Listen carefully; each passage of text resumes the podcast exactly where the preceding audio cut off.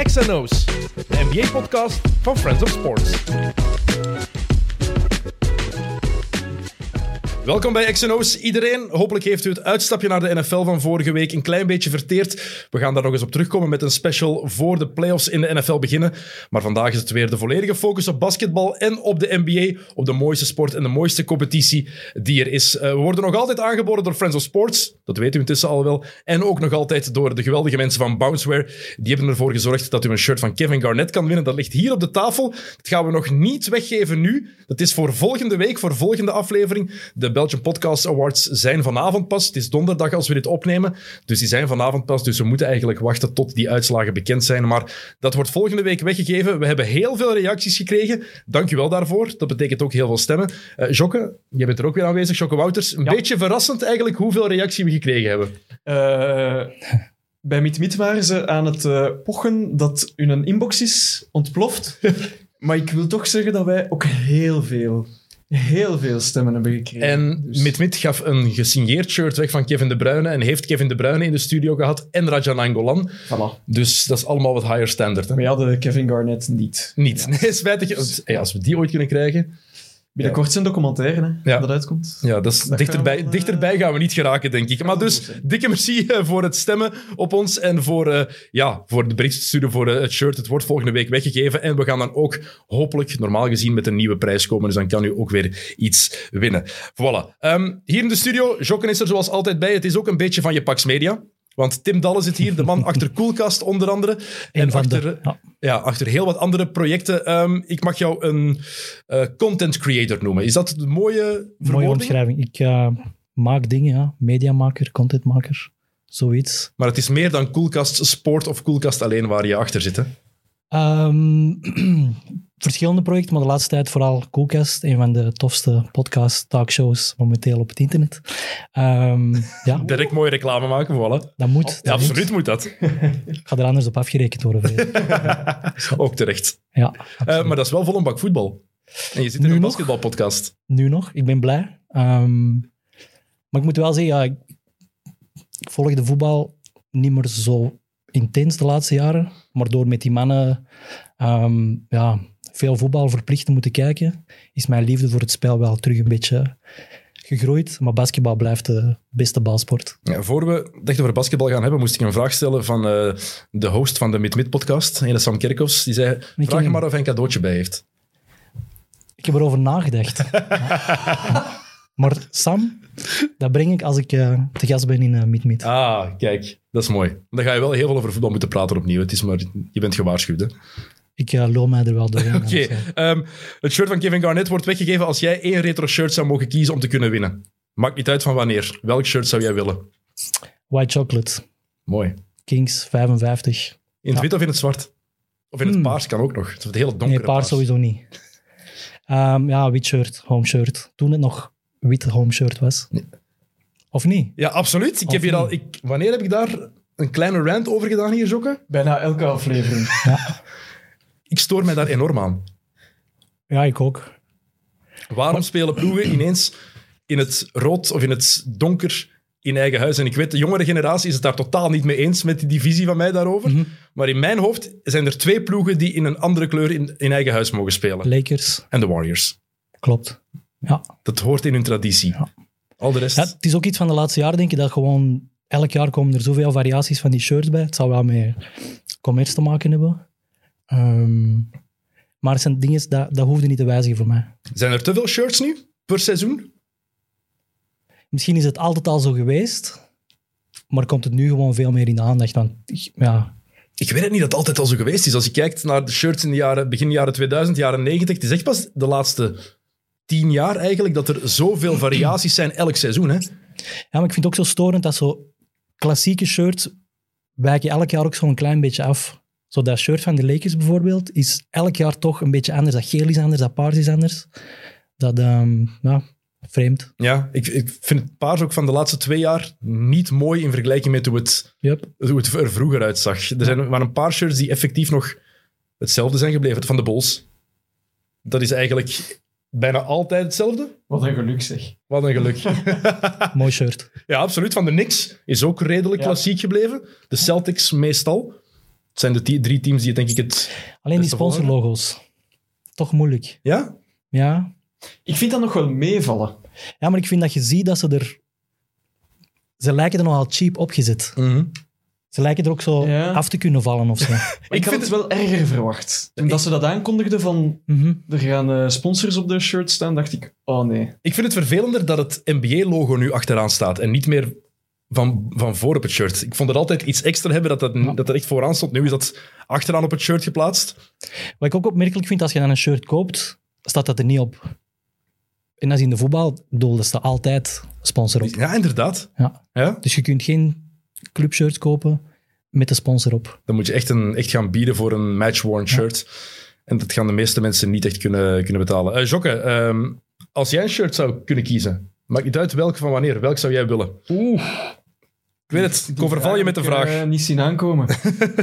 Je mag er ook even over nadenken en mij straks zeggen als je ja, het weet. hè. ik ga eh, dat doen. Oké, Is eh, Lakers Caruso al eh, retro? Dat- tegenwoordig is dat retro, ja? Ah, ik weet welk. Eh, Julius Irving bij de Sixers. Oeh, ook Ja. een mooie. In het wit of rood? Eh, wit. Het witte. Ja. Oké, dat is een mooie. Jij? Ja, dat is een goede vraag. Want ik, de meeste shirts die ik ooit wou, heb ik wel gekocht intussen, denk ik. Mhm. Ehm, Larry Bird wil ik eigenlijk graag hebben nog. Ik heb Magic, maar ik heb niet Larry Bird. Ja, dat is zo net voor mijn tijd. Ja, maar het is zo... Ja, ik heb, ik heb nog Ah, ik heb die nog even gezien, maar die was al niet meer Larry Bird. Je. Maar ik heb zoveel, zeker in die periode dat, dat, je, dat, dat ik basketbal ben beginnen volgen, was in 91, 92, die periode ongeveer. Ja. En, en toen is hij net gestopt daarna. Maar het Dream Team was er Ja. in de zomer van 92. En toen was ik net helemaal into basketbal in de NBA. En dan zie je zoveel dingen van daarvoor voorbij komen.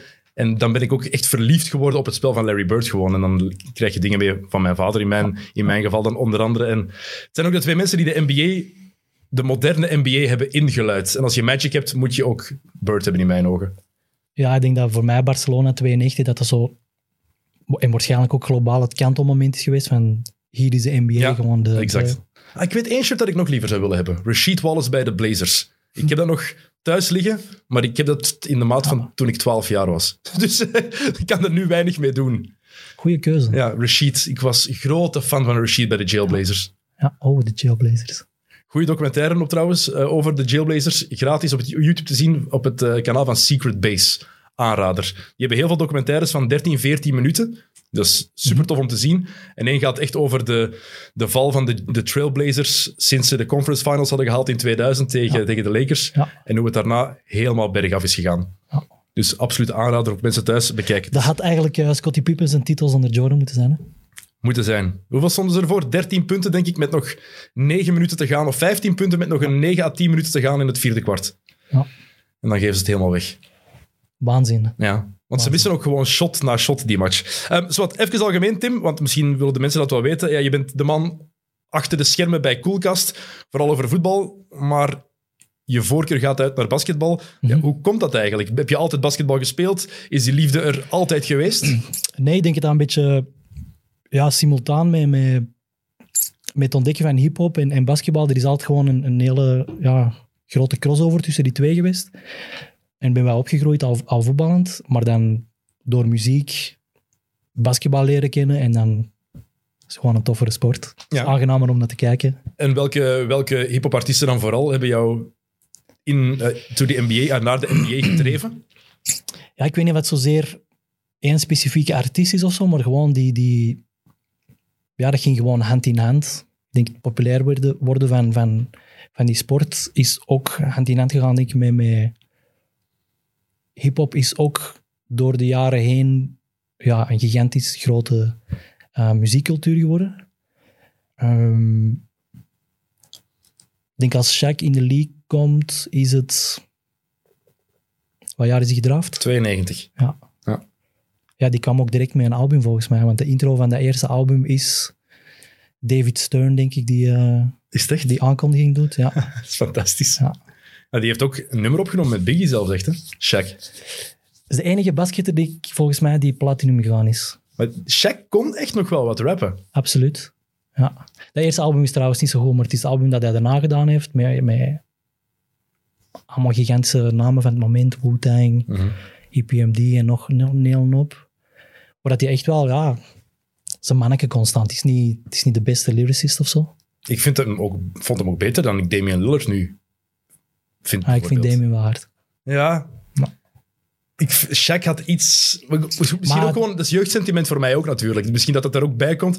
Maar Shaq had zo een bepaalde X-factor Mhm. die Lillard niet heeft. Nee, nee, ik denk qua, qua imago dat, dat Dame niet kan typen aan wat uh, Shaq had. Maar Shaq was gewoon in alles larger than life. En ik denk om, om het te maken in de muziekcultuur heb je wel ook een grote persoonlijkheid nodig. En dat had hij vol een bak. Ja, wie, heeft, nog- wie heeft het nog allemaal geprobeerd? Allen Iverson heeft het geprobeerd. Ja. Kobe. Al Iverson hebben ze gecensureerd volgens mij. Ja. Ja. Tony Parker. Tony weet- Parker heeft ook een rapnummer opgenomen, dat is juist. Ja. Kobe was... Maar ondertussen veel hoor. Ik denk dat eigenlijk al die spelers constant bezig zijn met... Die hebben waarschijnlijk ook een studio thuis. Ehm, die hebben connecties met artiesten. Dat is cliché, maar in de voetballerij is dat ook dat voetballers willen artiesten zijn. Artiesten willen Hmm. de sporter zijn. Maar er is wel geen enkele sport die zo gelinkt wordt aan één muziekgenre Ja. als basketbal met hip-hop. Ja, Dat hangt 100%. echt samen. En ik denk niet dat er een andere sport is die dat, die dat heeft, die zo die band met één muziekgenre heeft. En ik denk dat basketbal en hip-hop dat dat nooit meer los van elkaar gezien kan worden. En dat is helemaal natuurlijk, dat was al in het begin de jaren negentig. Maar sinds Allen Iverson dan naar de NBA is gekomen, is het alleen maar exponentieel gestegen. Ja, is ook nu denk ik de dominante muziek in de, tijdens de wedstrijden of zo. Dat was in het begin zeker niet het geval of zo. Maar nu hoorde jij gewoon op de achtergrond ja, herkenbare nummers. En toen was het nog Gary Glitter en zo. Topschijf natuurlijk wel. Hey, rock and roll van Gary Glitter, topschijf. Maar het is wel veelzeggend van hoe tijden, hoe tijden veranderd zijn. Ehm, je hebt zelf gevoetbald Mhm. toen je jonger was, maar je, je hebt dan ook wel zelf eens gebasket, veronderstel ik. Of bent gaan basketten. Ja, pleintjesbasketbal. En zo die, die 3-on-3 tournaments. We hebben dat ook nog met de school of zo gedaan, denk ik. Zo schoolcompetities. Ik herinner mij zo'n jaar dat Sprite zo'n mega campagne had. En dat was alleen voor schoolploegen. Ehm, ik ben dan eigenlijk altijd op pleintjes blijven spelen. Ik denk dat ik ook eigenlijk niet mocht gaan basketten van, van thuis, omdat ik te klein was. Vast- Oh. Kapot domme redenering. Ja, echt heel... Want ah, een van mijn helden destijds was Muggsy Bogues. Tuurlijk. Bedoel, 1,59 meter en je kunt het maken in de NBA. Maar zo klein ben je toch niet? Nee, nee, maar ik ben altijd wel de... Ik ben super lang de kleinste geweest. Dat, Altijd. maakt ook, dat is een hele rare redenering. Want heel, heel veel mensen zeggen dat ook. Ik vind dat grappig dat je dat zegt. Ja. Tegen mij bijvoorbeeld, ik ben een meter 96. En dan heel vaak, ah, jij basket zeker. Ik ben ook klein geweest. Ik ben niet dat ik altijd de grootste van de klas of zo ben geweest. Ik heb ineens een, nee, ik in het derde, vierde middelbaar een groeischeut heb gekregen, ben ik ineens 15 centimeter gegroeid of zo. Maar het is niet dat dat altijd zo... Dat zegt niks, hè. Nee, als klein mannetje Nee, maar ben je maar een denk klein mannetje, Ja, basketbal link aan, dat is grote gasten. Ja. Ehm, maar ja, ik heb spijt van. Ik ben als senior dan op een gegeven moment wel gestart. Ook een eigen ploegje gestart in vierde, vierde prof. Wat misschien niet het beste idee was. maar ehm, ja, was wel de moeite. Ik denk dat wij... Niet het beste idee omdat het vierde provinciale was, of omdat je een eigen ploeg gestart hebt. Nee, er komt gewoon veel bij kijken. Ja, daarom dat geloof Je ik. moet niet alleen spelers hebben, maar je hebt ook gewoon mensen nodig achter de schermen. Ik herinner mij zoveel wedstrijden dat we, ah fuck, moet iemand moet nog een boek doen. dan hopen en zo. Ja, maar ja, dat zijn wel de mensen die eigenlijk je werking van je club recht houden. De, vrij- de vrijwilligers die worden vaak onderschat, denk ik, in heel wat clubs. Zeker de lagere niveaus. Er zijn heel wat mensen die voor clubs die in provinciale spelen, die daar zoveel voor doen. En die krijgen daar misschien ook iets te weinig dankbaarheid voor, eigenlijk, voor alle moeite en al het werk dat zij doen. Absoluut. Hè. Absoluut. Maar we wouden gewoon niet meer alleen op pleintje spelen, ook competitief. En er waren eigenlijk allemaal gasten die wel op niveau gespeeld hadden, maar allemaal zo... Ja, misschien wat moeilijker met de coach hadden. Daarom gestopt met basketten en zei, ah, kom, laat dan ze gewoon allemaal verzamelen. En ehm nou, een goede tijd gehad. Speciale karakters samen dan. Fijne gasten. Ja. Maar ik, speciale karakters betekent niet dat je geen fijne gast kan zijn. Hè? Nee, nee, 100%. Allee, Het staat er los van. Eh, Ik heb ook gehoord dat jij een hele tijd geleden iets hebt proberen te doen met het streetbasketbal in Antwerpen. Klopt. voordat ze het helemaal nu, met het succes van de, de 3x3-ploeg, willen ze dat meer en meer pushen. Volgend jaar is er het WK, eh 3x3 in, eh, in Antwerpen. Maar voordat het nog echt een officiële discipline was, heb je daar al meer mee willen doen. Ja, ik denk dat dat altijd een beetje een, een, een constante dienst geweest in, in alle dingen dat ik doe. Van, je wilt gewoon projecten opzetten waar je zelf aan wilt deelnemen. En, en 3-on-3 was wel al een, een ding. Maar er waren niet zoveel toernooien. En dan eh een gast waar ik destijds mee samenwerkte, DJ Mystiek, die had een, eh, een VZ2 en die, die organiseerde af en toe dan al eh, een 3-on-3 tournament. En hebben we krachten gebundeld en hebben we dat proberen ook groter te maken, muziek erin te, in betrekken. En ehm, ja, we hebben een paar jaar heel fijne toernooi georganiseerd. Goeie gast. Ik heb met zijn broer jaren samengespeeld met Ja. Jonas. Ja, maar Jonas heeft ook nog met ons gespeeld. Ah, Oké, Ja. tof. Die heeft eh, voor wat de enige X&O's merchandise hier is, deze sweater onder andere, ik kan het moeilijk zien, maar de, enige die bestaat, was van Cudetta, het merk van, eh, van Mystiek. En Jonas dat jammer genoeg niet meer bestaat. Helaas. Back in the day. Hij was een goede basketter ook. Ja, absoluut. En hij paste volledig in het, in het plaatje bij ons van goede basketter, maar eigenlijk ermee gestopt. En Maar het project, het streetbasketbal in Antwerpen, dat is dan niet verder kunnen doorgroeien in, eh, in die tijd. Uh, jawel, we hebben dat een aantal jaren gedaan. En dan op een gegeven moment, denk ik, uh, zijn wij beginnen samenwerken met de partij die volgens mij nu alle 3x3's doet. Oké. Ehm, en dan ja, op een gegeven moment was dat voor mij ook op of zo. Of die, er was geen uitdaging niet meer. Die hebben dat op een veel grotere schaal gedaan. We hebben dat nog wel één jaar geprobeerd om zo Summer League te doen, zo 5 on 5. Ik was altijd zo fan van Rucker Park en die dingen. Ehm, ja, Dat heeft ook een bepaald aura. Hè? Als je ook zag die, die, die beelden, die foto's en, eh, en eh, videobeelden van, van de Nets toen zij gingen trainen in het park daar in Brooklyn. Van dit seizoen. Magisch. Ja, ja, ja. Die ene foto van KD daar met zijn potsken op, in zijn trainingsbroekje, met die brug op de achtergrond. Eh, Dat is een magi magisch beeld, vond ik. Ja. Heeft, iets, heeft iets extra. Ehm, de NBA dan. Wanneer ben jij dat echt beginnen volgen? Weet je dat nog? ja. ehm, Ja, Barcelona zei je daar net al. Was dat het beginpunt? ja, dan was het al even bezig. Ik denk zo de, het tweede jaar van, van de eerste three-peat van de Bulls. Ja. dat is zo het moment dat ik wel meer en meer begon, eh, begon te zien. En dan de eerste finale dat ik me echt herinner, ja, is Jordan versus Barkley. Dat is dan eh 93 zeker. Ja, dat is Ja. heel gelijklopend. Dat is de eerste finale die ik ook effectief bewust... En dan volgens mij, het jaar erop, is het eerste jaar, denk ik, dat het op de Belgische, ja niet kabel, want het was betaaltelevisie, denk ik. Filmnet? Supersport? Supersport. Ja, Ja. Film, supersport van Filmnet. Ja, Dat was dan inderdaad. het eerste jaar dat je volgens mij de NBA daarop kon kijken. En dan is het eigenlijk alleen maar in, in stijgende lijn gegaan. Ja, want in 92, 93 waren de match van de finals nog op Eurosport. Met Nederlandse commentaar. Echt Nederlandse Nederlands. Was dat niet Sportnet? Het is 93, 94, maar het jaar van de, Ah. de, van de Suns, want ik heb thuis toch de, de VHS-tape Ja. van Game 6, heb ik thuis toch liggen. Oeh, hard. Ja, ja. En die werkt nog. Ik heb die al kapot gespeeld als kind vroeger, maar die, eh, die werkt nog en dat was echt, dat was echt op Eurosport. Dus dat, Ja, dat was gewoon moeilijk destijds om... om ja, als je geen betaaltelevisie had, kon je dat niet kijken. Oh, Teletext, hè. dat was het. eh, Teletext en CNN. Het waren de... pagina 500, nog iets of zo. dat is echt 530 of zo. elke, elke dag. Elke ochtend, Elke dag absoluut. eens gaan kijken. Eh, ik heb een klassieke vraag aan mensen die hier voor het eerst zitten, dus ik moet die ook aan jou stellen. Weet jij nog de eerste NBA-match die jij ooit hebt gezien? Kan jij je die nog herinneren? Nee, Nee? nee.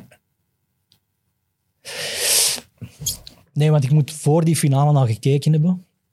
Ehm, nee. Weet je wat, jouw leukste of mooiste NBA-herinnering is? Weet je dat wel? Ik weet nog waar ik was dat Jordan terugkwam. Oké. Ik weet nog exact, dat was op het nieuws, dat was groot nieuws ook bij ons. Ehm, ja, dat is misschien wel de wedstrijd waar ik nog het meeste van weet. Het was geen goede De wedstrijd. eerste match terug? Ja, tegen Miller. Ja, tegen Indiana. Ja. Was niet de beste wedstrijd eigenlijk. Dat was een vreselijk slechte match. Toen zag je ook, ah ja, die mens, mogen niet vergeten, die heeft bijna twee jaar gebasebald. Die zijn lichaam is niet meer klaar voor basket op dit moment. Of nog niet klaar voor basketbal. Ik weet eigenlijk ook wel dat dat jaar ervoor heel hard ehm, voor Pippen was. Dat hij probeerde nog, eh, dat hij voor Piet op zijn schoen had geschreven. Mhm. Het een heel goed seizoen toen. Pippen was het jaar 93, 94 was zijn beste seizoen ooit. Ja. Maar het is ook het enige jaar waarin hij zo boven zichzelf is kunnen uitstijgen. Want het jaar daarna, toen Jordan terugkwam, waren ze 31 en 30 en was Pippen Bel was hij een schim van de speler die het jaar daarvoor was. Ja, maar dan toch bij, bij Portland was hij ook waardevol. Waardevol, maar niet de nummer één optie. Hè? Maar ik denk ook niet dat... Sommige spelers zijn gewoon niet gemaakt. En dat is, dat is prima. Tuurlijk. Ik vind dat hij nu ook gewoon... hij, hij komt nu veel in het nieuws omdat hij vindt dat hem niet op de juiste manier geportretteerd wordt. Maar Maar ik bedoel, iedereen heeft je toch hoog zitten, Pippen. Ik vond, die ook, ik, vond, ik vond ook niet dat hij zo slecht werd afgeschilderd in, in Nee. The Last Dance, eerlijk gezegd. En ik vind het net bewonderenswaardig en een van zijn grootste kwaliteiten dat hij weet dat hij een goede tweede optie was, dat hij de beste tweede optie ooit was en dat hij daarmee kon leven. Niet zoals Shaq en Kobe, die allebei nummer één wilden zijn. Kyrie en LeBron, allebei nummer één willen zijn. En zo kunnen we nog honderd voorbeelden opnoemen. Nee, Pippen die wist, Jordan is beter. Ik heb mijn rol hier, dit is wat ik moet doen. En dat hij dan nu zegt van, ik ben even goed. Ja, nee, Scotty, dat is puur ego-praat. Want je, Mhm. je hebt altijd het tegenovergestelde gezegd. Je hebt altijd die rol... Je wist perfect wat jouw rol was. Maar hij blijft ook de referentie voor elke tweede van wie is de Pippen voor die... Vul maar in. Ja, want ik denk dat we niet mogen onderschatten hoe moeilijk het is om die rol ook effectief te vervullen. Want ook al weet je dat je, je ploegmaat beter is, je Mhm. speelt nog altijd in de NBA. Bij een topploeg. Dus je hebt een gigantisch ego. Die kan je niet aan onderuit, denk ik. Ja, en ook gewoon zes ringen, toch? Absoluut. En zonder Pippen was het ook nooit gelukt. Maar dat is het ding ook. En dat is, Dat weet altijd- ik niet. Dat, Nee, maar, nee, gewoon maar in het algemeen. Net zoals Shaq nooit die eerste drie titels zonder Kobe had gewonnen. En andersom. Net zoals LeBron nooit de titel bij Cleveland zonder Kyrie Irving of Kevin Love had gewonnen. Iedereen, er is niemand die het alleen gedaan heeft. Dirk Nowitzki, dan zeggen mensen van die heeft het alleen gedaan. Nee, die had ook Jason Terry nodig in die finals. Er is geen enkele basketter, geen enkele in de geschiedenis van de NBA die een titel helemaal alleen heeft gewonnen. nee, ja, dat, dat klopt. Maar ik, er zijn ook veel te veel individuele prijzen in iets wat een teamsport is. Stoort jou dat? Ik denk dat er ruimte is voor meer prijzen. Je zou, je zou beste verdedigende team van elk jaar zou, zou veel meer in de verf mogen staan, vind ik. Maar dan ga je gewoon altijd het team pakken met de beste defensieve cijfers. Op, als, voor die award. Het ding is dat ik nu niet kan zeggen, hey, 2016, wat was dat team? Ja, zwaar. Maar we kunnen dat wel makkelijker kunnen zeggen van, ah, die was toen MVP, die was al NBA, dit en dat. Mhm. En in iets wat een teamsport is, denk je dat er meer teamprijzen moeten kunnen uitgereikt worden buiten de kampioen. Ja, en het, is ook, het geeft ook extra nuance, want het reguliere seizoen wordt vaak niet belangrijk genoeg gevonden. In mijn ogen toch. Maar krijgen wel alle, alle individuele awards. Ja. In de playoffs mogen er iets meer individuele awards zijn dan. Maar als je kijkt naar bepaalde kampioenen, die dan in de playoffs een geweldige run hebben gehad, maar in het reguliere seizoen eigenlijk niet goed waren of op niks trokken. Veel mensen kijken alleen maar van die speelden de finals, dus dat waren de twee beste ploegen. Dat is niet altijd het geval. Hè. Spijtig genoeg Nee, is nee, dat is- niet zo. Je kijkt naar de Lakers, die speelden de finals tegen de Nets in 2002. Mhm. Ja, de Kings waren dat jaar de beste ploeg, hè. Het hele seizoen. Als ik er zo op terugkijk, ja, eigenlijk de Blazers hadden een keer moeten winnen. De Kings hadden absoluut ook een keer moeten winnen. Ja, dan kijken wij helemaal anders naar, naar Kobe en naar Shaq. De Suns met Marion en Nash en Stoudemire, of zonder Stoudemire zelfs, hadden ook een keer mogen, Ja. mogen winnen, of moeten winnen zelfs. Er zijn veel Dat teams dat je zo, er zijn veel teams die je zo kan aanhalen. Maar dat is ook het mooie net aan de playoffs, misschien. Dat dat een Ja, ander aspect is. Het reguliere, reguliere seizoen doet er niet toe. Ik vind wel dat dat nu meer en meer vroeger op het jaar belangrijke wedstrijden zijn. Nu meer dan ooit. Sinds dat ze dat systeem veranderd hebben met die play-in. Mhm. Ehm, het is ook zo competitief. Als je je start gemist hebt, ga je dat volgens mij heel het seizoen voelen en, en, en proberen goed maken. Maar normaal pik ik altijd zo wat iets later in in het seizoen. En zo aan met kerst start de NBA. Ik vind dat dat nu gewoon al super belangrijk is, al die wedstrijden. Maar toch merk je aan bepaalde ploegen dat het minder uitmaakt. Bijvoorbeeld, kijk naar Milwaukee nu. Ja, Ik zou normaal meer zorgen over Milwaukee moeten hebben, objectief gezien. Maar toch denk ik, nee, dat is te- die hebben te veel blessures. Die gaan Mhm. over twee maanden staan die er met 30 en, 5, 30 en 15 en is Ah. alles weer oké. als die een paar keer negen wins, één loss hebben, dan, dan, dan zie je die direct naar boven. aan. Die gaan sowieso top 3 eindigen. Dat maakt mij Maar dat is wel het mooie, in, misschien zeker aan dit seizoen, zeker in de Eastern Conference. Ja. Een winstreak of een losing streak van drie, vier matchen en je staat gewoon aan de andere kant van, van de tabel bijna. Hè? Volgens mij in het oosten zijn er twee ploegen die niet meedoen. Al de rest doet gewoon mee. Ja. Ik denk alleen Orlando en Detroit niet, maar de andere 13 spelen voor 10 plaatsen. Ja. En je weet ook wie er natuurlijk bovenuit steekt, maar er, er is inderdaad... De, de gelijkheid is groot en de kwaliteit is ook, is ook heel groot in het, in het oosten. Eh voor het, want we gaan het sowieso nog hebben over dit seizoen. Ehm, ik heb me ook laten vertellen dat jij lang een grote Kobe Bryant fan bent geweest. Ja, Is dat nog steeds het geval?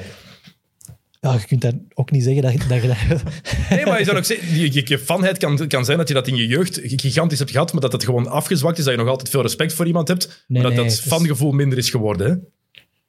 Nee, dat, dat, dat zal altijd zo blijven. En ook gewoon de, ja, die hele mentaliteit. Ehm, wij zeggen dat onderling ook gewoon tegen elkaar. Zo, dat, dat houdt je gewoon scherp, zo die hele Mamba-mentality. Mhm. Ehm, dat gaat verder dan basketbal. Maar ik ben denk ik wel altijd de meest kritische fan geweest of zo. Ik vind Kobe echt heel goed.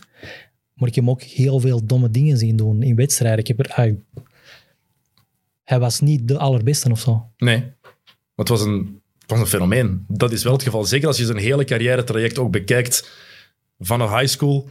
Ik denk niet dat er iemand is geweest die ooit met zoveel zelfvertrouwen in zo'n setting is gestapt. De eerste match die hij... En de eerste training bij de Lakers zei hij meteen tegen zijn ploegmaat toen hij zich voorstelde I'm Kobe Bryant and y'all, y'all guys are not gonna punk me. Ja. Dus meteen duidelijk maken, ik ben niet zomaar een rookie. Ik ga, uw, ik ga uw zak niet dragen. Ik ga uw zak niet dragen. Ik ga uw croissants niet halen. Om maar te zeggen, of uw donuts niet halen. En dat is iets wat, wat je heel weinig spelers hebt zien doen, denk ik, van dag één. Absoluut, absoluut. Maar die Mamba mentality is wel niet uniek of niet van hem.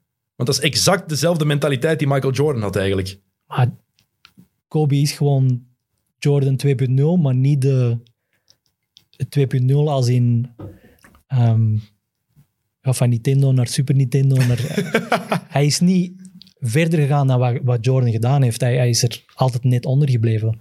Maar hij is wel ja, de beste student van Michael Jordan geweest. Wat zonder twijfel de beste speler ooit is. Ehm, Wat ik daar vooral waanzinnig aan vind, is je kan iemand bestuderen en proberen te kopiëren. Maar die bewegingen, manier van, van, van op een veld lopen, van shotten, van naar de ring glijden, hoe dat die moves, hoe dat die lichaamsbewegingen zo identiek kunnen Ja, dat is zijn. gek als je die Dat is montages ziet, dat die, dat die zo in elkaar Ja. overvloeien. Dat, dat is waanzin. Maar ja, dat zegt ook veel over de impact die Jordan gehad heeft op een hele generatie spelers die na hem is gekomen. Ehm, en dat heeft Kobe ook, denk ik, op zijn manier. Mhm. Er zijn keihard veel spelers die opgegroeid zijn en, en voor hen is Kobe wat misschien voor ons Jordan was. En wat voor LeBron nu voor de, de generatie daarna waarschijnlijk is. Voor de jonge gasten nu. Ehm, ben jij een sneakerhead? Valt mee. Maar ik vraag het eigenlijk vooral omdat... eh, Sneakers moeten gedragen worden. Dank u. Dank u wel. Echt, ik begrijp, niet, ik begrijp mensen niet die Nee. dure sneakers kopen en die dan in hun kast zetten. Nee. Echt. Dan is het ook gewoon een slechte investering. Of je wilt die natuurlijk een paar maanden later terugverkopen, want ik, ik heb al die schoenen ge- gekocht zelf. Ik heb ook al schoenen gekocht en verkocht voor winst, maar Dat heb ik nog nooit gedaan, dat laatste. Ik heb ze altijd gedragen. Maar ik heb wel nu schoenen die ik al heb gedragen, die een beetje afgesleten zijn, omdat ik te veel draag. En wat ik dan nu van op stocks zie, Ja. ah, 650 euro. Ja. Kak. Nee, ik vind ten alle tijde uit. Het is, het is tof om een fijne schoenencollectie te hebben, maar die, je moet die gewoon dragen. Tuurlijk, ja, dat is, dat is- het zijn schoenen. Allee, wat ga je doen? In je kast zetten en voor de ene keer dat er iemand bij je thuis komt, dan kijk Dat doet toch niemand? Man, nee, tuurlijk. Maar is dat echt een goede investering, schoenen? Want jij hebt er wel echt reden. Ik denk als je er echt je ding van maakt, en nu meer dan ooit als je kijkt naar die platformen als StockX die niks anders doen dan, dan schoenen flippen, je zult er wel geld mee kunnen verdienen, maar dan... Als je het echt doet om geld te verdienen, zijn er denk ik betere plekken om je Dog- geld in te investeren. of wat is dat allemaal? Ja. Ik, ken, ik ken daar niks. Ik moet eerlijk zeggen, ik ben daar, daar ben ik een leek in. Eh, ik vraag het ook. Crypto.com. Ja, ja, dat ik hier nog staan, Crypto.com. Ehm, de nieuwe naam voor Staples Center. Ja. De Crypto.com Arena. Vanaf kerstdag gaat het zo heten. Ik heb daar heel veel bedenkingen bij, maar ik wil eerst weten wat jij ervan vindt. Voor 20 jaar. Ja. De duurste deal ooit voor een arena. 700 miljoen dollar. Het ding is, ik maakte mij over laatst druk over de naam van, van voetbalstadia bij ons. Is ook zo merk claimt die een arena. Maar ik heb er nooit zo over nagedacht met Amerikaanse arena's. Ja, Staples is inderdaad ook gewoon een, een, een keten voor kantoormaterialen. Maar ik heb dat nooit gelinkt aan, aan die winkel. Dat was gewoon, ah, die arena waar de Lakers spelen is Staples en Oracle en, en, en noem maar op. Maar het zijn ook gewoon allemaal brands. Ehm, tja, het is gewoon een tijd waar we in leven, dat merken op een of andere manier zich linken aan, aan populaire zaken, denk ik. Ik denk dat mensen er ook een probleem van maken, zeker in LA, omdat het Staples Center, de naam Staples, heeft de winkelketen Staples overschaduwd. Meer mensen linken dat nu met die zaal, want dat is niet enkel een zaal waar Ja. de Lakers en de Clippers Exact. spelen, het is ook een bekende concertzaal. Taylor Swift heeft daar een banner hangen, hè? Ja. Taylor? Swift, ja, ja, ja. Ja, maar Taylor Swift is... eh woehoe. Dat de fan, Eh, ik niet. Het mag, hè? Eh, allee, die, die, die kan wel goede liedjes schrijven, blijkbaar. Allee. Maar, ja. Ze pakt het goed aan. Ze pakt Ja, het goed voilà, aan. Vooral de blijkbaar was heel, was heel mooi. Maar gaat iedereen niet gewoon staples blijven zeggen? We we zijn nu ook al het zeggen, de Crip, hè, crypto.com. Maar ook Crip gebruiken in LA. De Moeilijk. Bloods en de Crips is redelijk Moeilijk. gevaarlijk, hè? Ja, nee, ik denk niet dat eh, dat, dat gaat worden. Nee, hè? Nee, dat wordt hem niet. Ja, en Vanessa Bryant heeft ook al gereageerd, de, de House at Kobe beeld. Ja, ik, ik snap dat ze, het is puur te maken met, met geld ook, want de, de, de Bus-familie is ook een van de weinige eigenaarsgroepen die effectief hun geld echt alleen maar daar vandaan halen. Het is geen familie die nog een, een andere grote zaak heeft. Dus ik denk dat ze die 700 miljoen ook wel gewoon echt goed kunnen gebruiken. En het is ook duidelijk als je hoort wat eh, Alex Caruso verteld heeft over zijn contractverlenging of Ja. zijn, zijn gesprekken. Eh, ze hadden hem gevraagd dus om minder gemis. geld te aanvaarden Wat een gemis. zodat ze minder luxury tax gingen moeten betalen als eigenaars. Ik snap wel dat je als speler dan gewoon zegt, nee mannetjes, allee, met alle respect, maar daar ga ik nu echt geen rekening mee houden. Ja, hij wou al water bij de wijn doen. Hij wou echt blijven. Ja, Maar het mocht ook niet, toch niet overdreven zijn, hè? Nee, nee. En hij- ah, ik denk ook dat hij zijn, eh, zijn geld waard is. Absoluut, dat is heel duidelijk bij de Bulls nu. Eh, Ik vroeg het trouwens van het sneakerhead, eh, omdat er veel te doen is rond de Kobe's tegenwoordig. Het contract tussen eh, de familie Bryant Is ten einde. En Nike is inderdaad een einde, dus er worden geen Kobe's meer gemaakt sinds vorig jaar. Maar meer dan een kwart van de spelers in de NBA speelt met Kobe's. In de bubbel blijkbaar 33 procent. Ja. 1 op 3 speelde met Kobe's. Yep. En dat zou blijkbaar een gigantisch probleem worden. Er zijn er nog genoeg die een voorraad hebben. De Mar Rosen heeft bijvoorbeeld nog honderden paren thuis. Maar als je weet dat sommige spelers elke wedstrijd een nieuw paar schoenen gebruiken, of zeker 30 paar op een seizoen, dan gaat het effectief nog voor, voor, voor drama zorgen. Hè? Het contract is ten einde, maar wil dat dan ook zeggen dat zij geen heruitgaven mogen doen? Ja, ze mogen niks meer maken nu. Oef. Ze mogen niks nieuw meer maken van, eh van Daarom ook dat die prijzen gigantisch de lucht in het gaan, Ja. aan het gaan zijn. Ja, dan zou ik zeggen dat investeren in Kobe's wel een goede zaak is. Maar ik, ik heb er geen. ik heb er ook geen. Ik heb er ook nooit in gespeeld. Jock, heb jij er ooit in gespeeld? Ik heb er eh, drie, vier paar gehad. Oké, en waarom zit... Echt, leg het me... Want ik ben... Ik heb heel... ik- mijn enkels zijn... Ja, maar dat zijn die... Kobe's waren eigenlijk de eerste schoenen, denk ik. Ja, niet de eerste, maar hij speelde op lagere schoenen. Daarom. Ja, dat onder, waren wel onder de enkels. eerste, en dat, denk ik, de ik heb ook altijd liever... Ja, basket moest gewoon mee hogere schoenen. Nou, en ik droeg ook altijd van die enkelbraces zelf. Dus Ja. ik wou gewoon het risico ook ergens niet nemen. Ik zat ook, ja, mentaal ook is belangrijk. Als je op een basketbalveld stapt, die wil je comfortabel vinden. Dus ik speelde met hoge schoenen. En daarom nooit ook lage Kobe's gedragen. Maar vertel, Ja, ik wat maakt die Kobe's zo goed? Ik ben daarmee begonnen. En dat waren dan ook mijn eerste lage schoenen die ik had. Ja, ik ben, eh, ik ben point guard, shooting guard. hè. Mhm. Dus ik, had ook niet, ik heb ook nooit eigenlijk veel last gehad van mijn enkels. Die zitten gewoon heel goed. Ik heb denk ik ooit eens twee seizoenen met één paar Kobe's gespeeld. En die, op het einde hingen die in frut van één. maar die waren wel echt Uh, ja, iedereen, heel comfortabel. heel veel spelers zeggen inderdaad, het is de performance vooral. Zit comfortabel, want Ja. je zegt, ja, je bent eh, guard, maar ook big men spelen ermee. Anthony Davis speelt altijd met Kobe's. En dat is blijkbaar nog een, een groter probleem. Want ja, het is niet dat die mannen allemaal een 44 hebben of zo. Die hebben allemaal, heel veel van die mannen hebben een grotere schoenmaat. Die zijn sowieso moeilijker om te vinden, exclusiever. Dus dat maakt het probleem voor die Kobe's nog wat groter. Ehm, blijkbaar is het contract trouwens ook stopgezet, omdat eh, Vanessa Bryant ergens ook niet tevreden was met de oplagen. Ze vond dat er te weinig Kobe's Ja. verkocht werden in vergelijking met Kyrie's en KD's en ga zo maar door. Ik voorspel wel dat dat gaat goed komen. Nike gaat op een gegeven moment terug die schoenen uitbrengen en dat gaat gigantisch succes zijn. Zeker als die vraag van de NBA-spelers zelf zo groot is. Ja, Nike is een aantal spelers dat, die- dat ze sponsoren aan het terugschroeven, al langer. Ja, maar ook voor zijn eigen legacy, Mhm. en daar zal zij ook wel over willen waken, is het belangrijk dat die spelers met die schoenen blijven spelen. En op een gegeven moment gaan ze nog wel reissues doen en zo. Ik denk dat van alle schoenen die Kobe's de hoogste ehm, reissue value hebben. Mhm. Ik denk niet dat ze ooit LeBron zijn schoenen opnieuw gaan uitbrengen zoals ze Jordan zijn schoenen hebben uitgebracht. Omdat die ook gewoon lelijk zijn. Met persoonlijke mening, dus subjectief, maar ik vind ze heel massief. Ja. Ook niet aangenaam mee te spelen. Ik heb geprobeerd. Ja, same. Ja. Ja. Niet fijn. Ehm, dus ja, ik denk wel dat dat goed gaat komen. Ja, Kobe die wou zelf ook blijkbaar, voor hij overleden is, was hij aan het overwegen om weg te gaan van Nike. En wilde hij misschien ook zijn eigen brand daarmee starten. Dus gewoon zijn schoenen meenemen, ofwel naar een ander brand, ofwel zijn eigen ding starten, à la Jordan. Heb je die ontwerpen gezien? Nee? Ja, google het. Ja? Echt kapot lelijk. Echt lelijk. Ging hem ook niet worden, die schoenen. Nee. Ja, het is echt een succesformule gewoon deze. Net zoals bij Jordan bijvoorbeeld. Ik vind het ook heel opvallend als je kijkt naar Jordan brand. De classics die uitkomen, de meeste, vooral 1, 3, 4 en dan de 11, 12. Dat zijn eigenlijk de, Ja. de grootste succes ehm, lijnen van, de, van het Jordan brand. Maar alles wat dat, zeker de, de laatste jaren... Nochtans, zitten goed, want ik heb ermee gespeeld. Die zitten goed, maar die hebben niet die magie die die anderen die die andere wel hebben. Ja, of ook al die Team Jordan schoenen. Ja, Lelijk. ja Mello, heeft, Mello heeft er nog een paar coole gehad. Chris Paul heb ik het nooit voor gevoeld. Ik vind het ook gek dat je als speler... Ik denk dat Zion is ook getekend bij, bij Jordan. Luca ook. Ja, ik vind dat gek. Waarom? Ja, dat je niet als LeBron van ah, ik wil mijn eigen lijn, Kobe heeft zijn eigen lijn, maar dat je onder de lijn van, van een speler je schoenen wilt uitbrengen. Ik snap dat wel, hè, omdat Jordan is Het is, het icoon. het is ook ongelimiteerd gratis Jordans krijgen. Hè?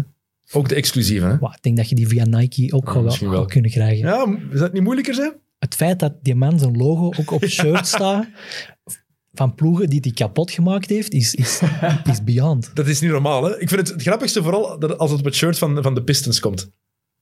Ja, Dat is- of op het shirt van PSG. Kun je je voorstellen, er gaat toch nooit een, een atleet in één discipline zo groot worden dat in een andere sport Nee.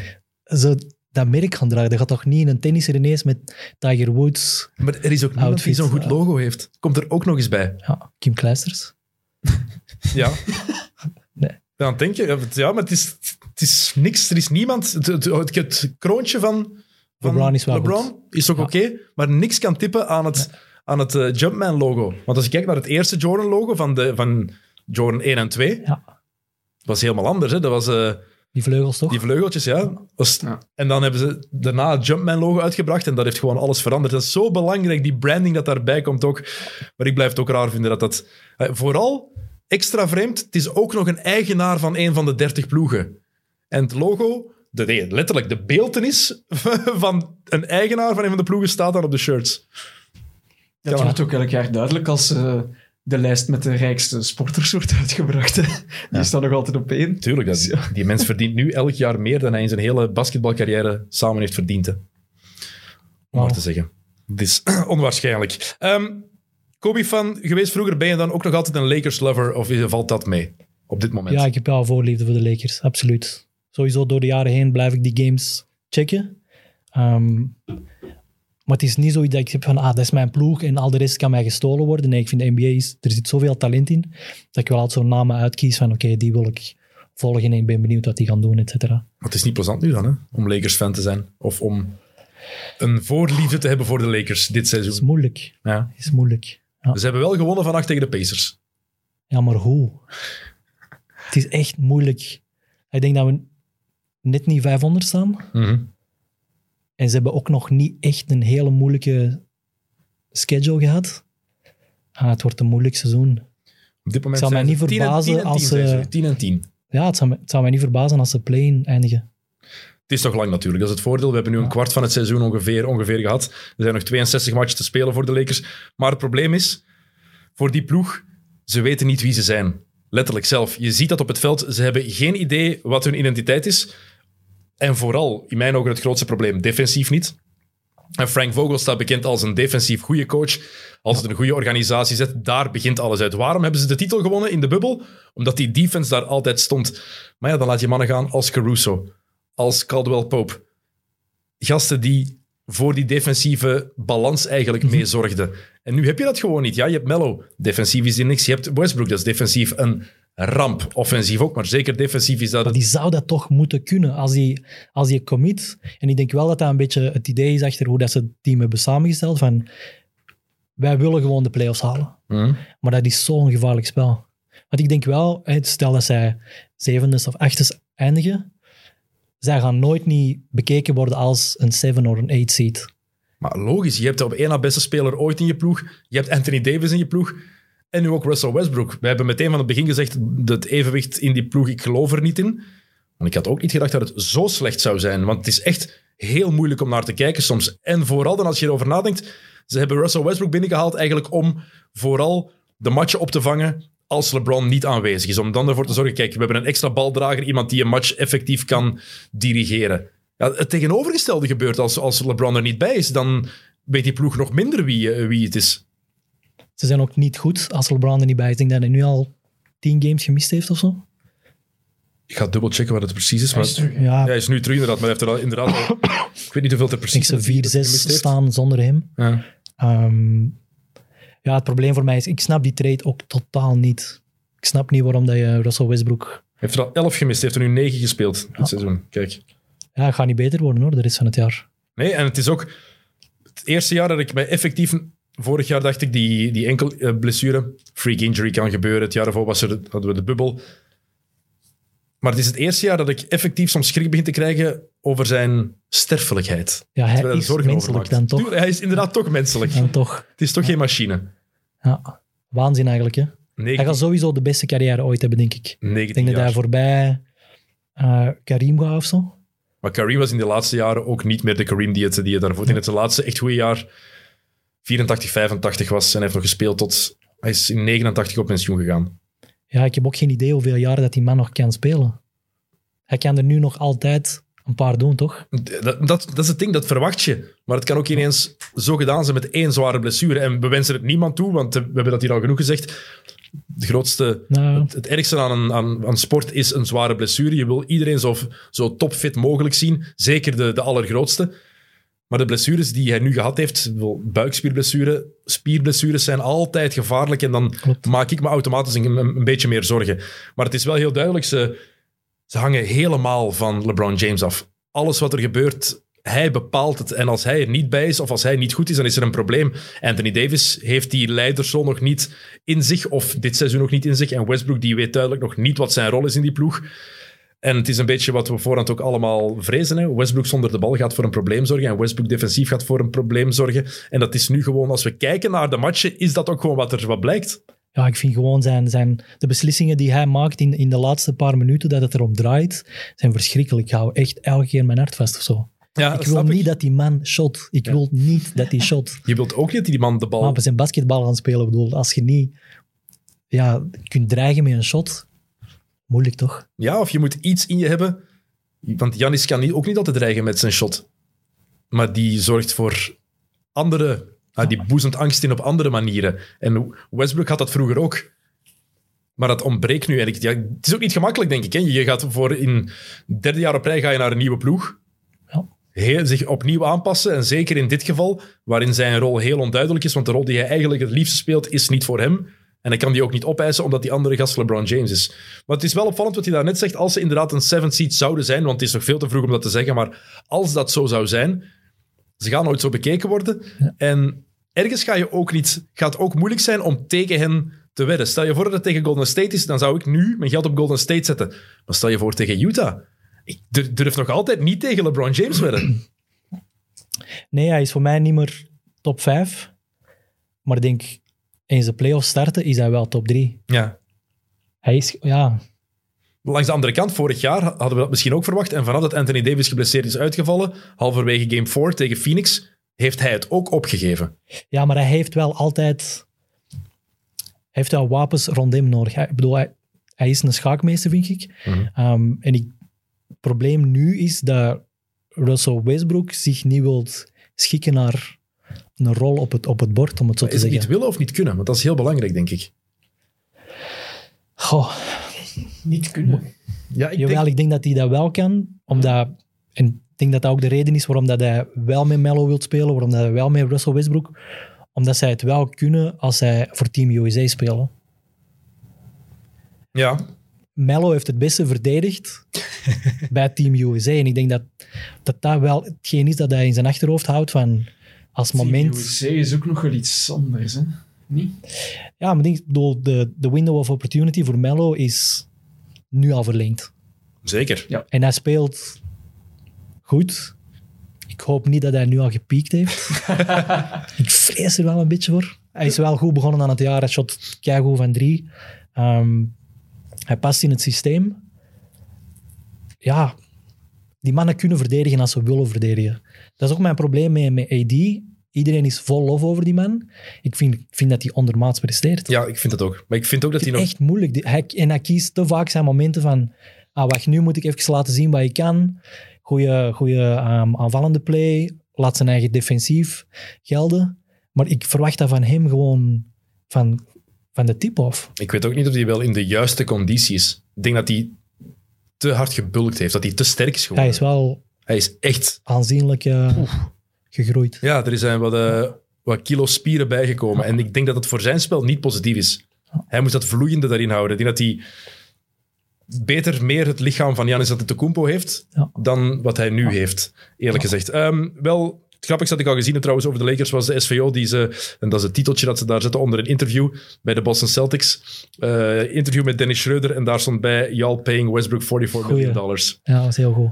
Dat is echt Speelt goed bij Boston, toch? Oeh, maar hoe hard is dat? Als je dat durft ook als tv-zender. Dat is echt wel...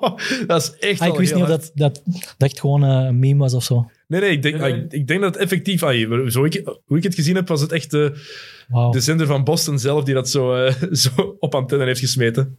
moet kunnen, toch? Ik ben er fan van. Ehm, over LeBron gesproken.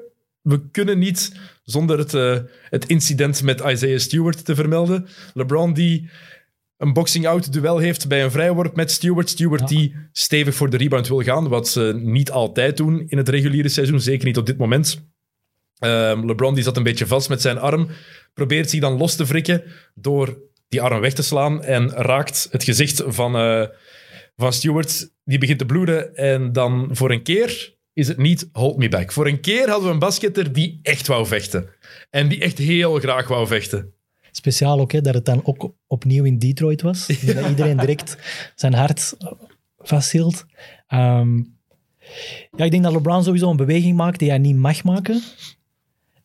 Dat hij contact maakt en zich direct bewust was van, ah fuck.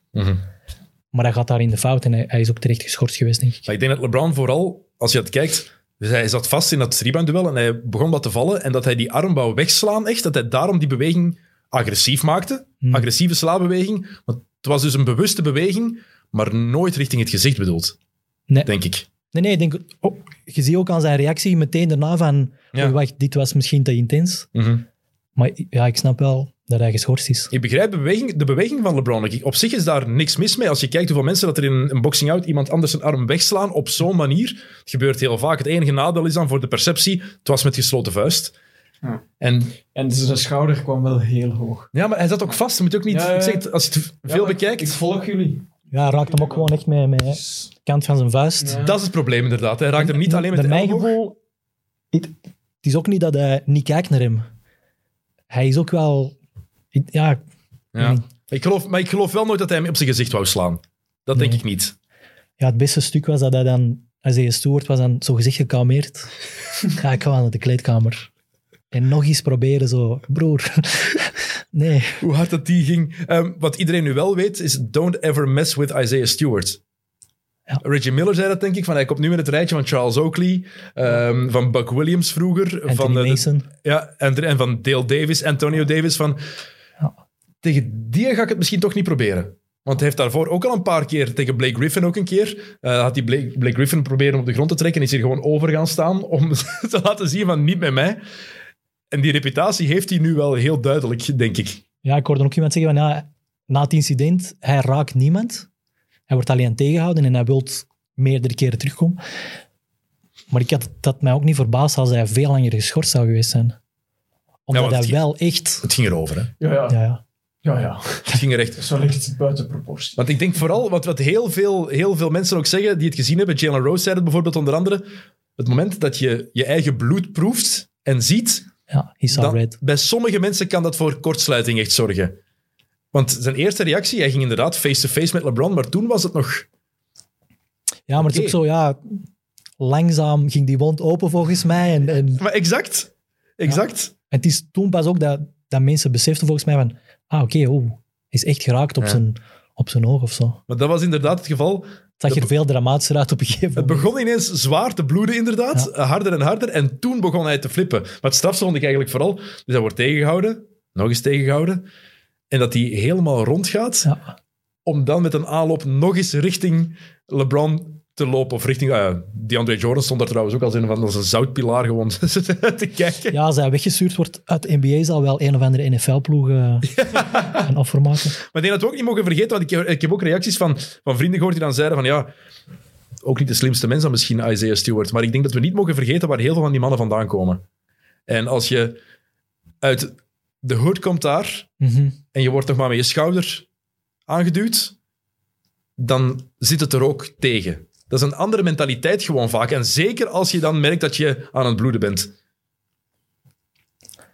Ik vind, ja, ik, pff, ik weet niet of dat, dat echt een, een, een excuus mag zijn of zo. Nee, Je het is geen excuus, maar het is wel iets om in je achterhoofd te houden. Zeker om te zeggen van ja, het is een domme gast. Nee, dat, zo bedoel ik. Je, je kan niet zeggen, omdat hij zoiets doet wat dom was, dat het ook een domme kerel is. Zo bedoel ik meer van. Ergens Mhm. komt daar ook bij waar je vandaan komt en dingen die ja, ergens Ja, ik denk dat hij gewoon op, op die manier in het moment geraakt is, dat hij even alle ehm, reden kwijt is Mhm. van erover na te denken van, oh wacht, ik zet hier misschien wel mijn carrière op het spel. Ja, maar- Want als hij niet zodanig wordt tegengehouden en hij kan contact maken met, met spelers, ja, dan zien we die nooit meer in de NBA. Nee, maar ik heb ook al mannen zo- zot zien worden voor minder Ja. dan dat. Echt Want voor veel denk, minder dan dat. Na wat er toen gebeurd is met Ron Artest en dergelijke, ze gaan dat nooit niet nog eens tolereren. Je, je merkt dat aan alles. Hè. Ik bedoel, Ja. je mag nog niet naar iemand kijken nadat je op hem gedunkt hebt of je krijgt dan een technische fout. Trouwens, bij het hele Ron Artest gedoe, eigenlijk Ben Wallace wordt daar veel te weinig vermeld. Hè? Ja. Als Wallace, want het was een harde fout van, eh van Artest, maar als Wallace daar die duw niet geeft aan Artest, dan is het ook weer helemaal anders. Hè? Hele Maar- goede docu ook. Ja, fantastisch. Ja, een hele goeie. Eh, de commentators van de Lakers die waren wel star- straf. Die zeiden eigenlijk dat Stewart met zijn gezicht tegen de elleboog van LeBron was gelopen. Daar kwam het op neer. Eh, je mag subjectief zijn als, als lokale supporters, maar allee, Ja. vond ik er toch een beetje over. Ja, die lokale broadcasts zijn ook echt een ervaring op zich, vind ik. Die van Charlotte zijn echt must-see. Hij geeft die man een opslag of zo. Maar- ik weet niet of jij dat soms checkt. Ja, absoluut. Maar je kan ze wel niet altijd aan. Ah, Ik, ik, ik ga het anders verwoorden. Ik kan ze niet altijd aan. Jij misschien wel, maar zo drie matchen in vier dagen van Charlotte is echt te veel. Ah, Je hebt enthousiasme, en dan, dan heb je die mannen. Ja, ik vind dat wel opmerkelijk. Ook bij het minste, hè? Echt. Ja, nu van de week ook zo, denk ik, einde van, van, van een helft. Lamello scoort zo twee, drie, drie punters op rij. Die bal is nog maar vertrokken en die man is al, die springt recht zo. Ja, echt. Goed. En dan zit Del Curry daarnaast, hè? Ja. Vader van Steph is co-commentator bij de Hornets. En die- dat is eigenlijk een redelijk rustige mens, hè? en die reageert ook altijd Ja, ik moet redelijk toch, kalm. als er geen eh, TNT of E ESPN broadcast is, Mhm. Normaal klikt het dan altijd op de thuisploeg, maar bij Charlotte, ik klik altijd op Charlotte, sowieso. Behalve bij de Knicks. Omdat het heel vaak Mike Breen is bij de Knicks. Goed, toch? Ja, fantastisch. Daarom Ja, die kies ja. ik ook. En de Bulls hebben ook een hele goede eh, lokale. Stacey King is eigenlijk zelfs een goede analist. Wie had dat gedacht? Ik denk ook dat dat heel moeilijk is, maar daar weet jij misschien meer van. Commentaar geven. Ja, zo play-by-play. Ik vind dat het leukste wat er is. Ja. Er is. Er is niks waar je zo hard in een match zit en waar je het gevoel hebt dat je, dat je bijna meedoet. Zo overdreven gezegd natuurlijk, maar je, zit, je bent zo gefocust. Je hebt je ook helemaal voorbereid natuurlijk op die match. Dus je bent al meer in die wedstrijd en dan begint dat en vanaf de tip-off ben jij zelf ook bezig. En dat is het... Ja, dat is, Zeker als je courtside zit. ja, Toch? Absoluut, ja. Maar NBA heb ik nooit courtside gezeten. Belgisch basketbal wel. NBA hebben- zat, zit de internationale pers in de nosebleeds. Hè? Oh, Echt. Ah, ja. Tuurlijk, we konden bijna op het plafond raken, Thomas en ik, toen we, toen we in, eh, in Cleveland en, San Fran- en, eh, en eh, Oakland zaten. Omdat jullie zo groot zijn. dus maar Sam de Jongen hier niet zit voor, eh, om de over micro Formule 1 te uitzetten. praten, ga jij voor de, voor de woordmopjes zorgen? Nee, nee, mooi, dat ga ik nog niet Nee. Dus, dus, Maar dat is eigenlijk, ik vind er, dat is iets dat eh, het meest natuurlijke komt, commentaar geven. En presenteren, dat is vaak wat, ja, dat is voorbereid. Een podcast is ook iets anders, want je hebt gewoon een gesprek en je hebt wel talking points, points met iets anders. Maar als je commentaar geeft, één, je weet nooit wat er gaat gebeuren. Hè? Dus je hebt geen Klopt. keuze. Je, het moet wel natuurlijk zijn, want je weet niet wat er gaat gebeuren. Ja, ik vind het toch zo'n belangrijk onderdeel van de, van de beleving of zo. Enthousiasme is denk ik ook gewoon heel belangrijk. Mhm. hè. En ik denk dat dat ook wel iets is, is dat veranderd wordt. Zie je ook in voetbalcommentaar. Ik denk als we kijken naar het voetbalcommentaar van 20, 25 jaar geleden, was het veel meer timide. Ja. Terwijl dat we nu... ik geniet van mannen die, waar, waar, waar, waar extra vuur in zit eigenlijk. Klopt. Waar die beleving, waar je dat echt bij voelt. Zowel in voetbal als in basketbal. En bij basketbal is dat nog belangrijker, omdat die sport gewoon ja, amper stil ligt. Ja, en dan ik vond een pitje af ook voor u, die commentaar van de zomer tijdens de Olympische Spelen. Ja, dat tempo ging nog, dat lag zo hoog voor de Die, 3 die on 3. driemaal- ja, dat was niet gemakkelijk. Dat was een aanpassing, moet ik zeggen. Die eerste match was echt niet gemakkelijk om te doen, maar wel plezant. Dank u, leuk om te horen trouwens. Maar ja, dat was heel, heel leuk wel.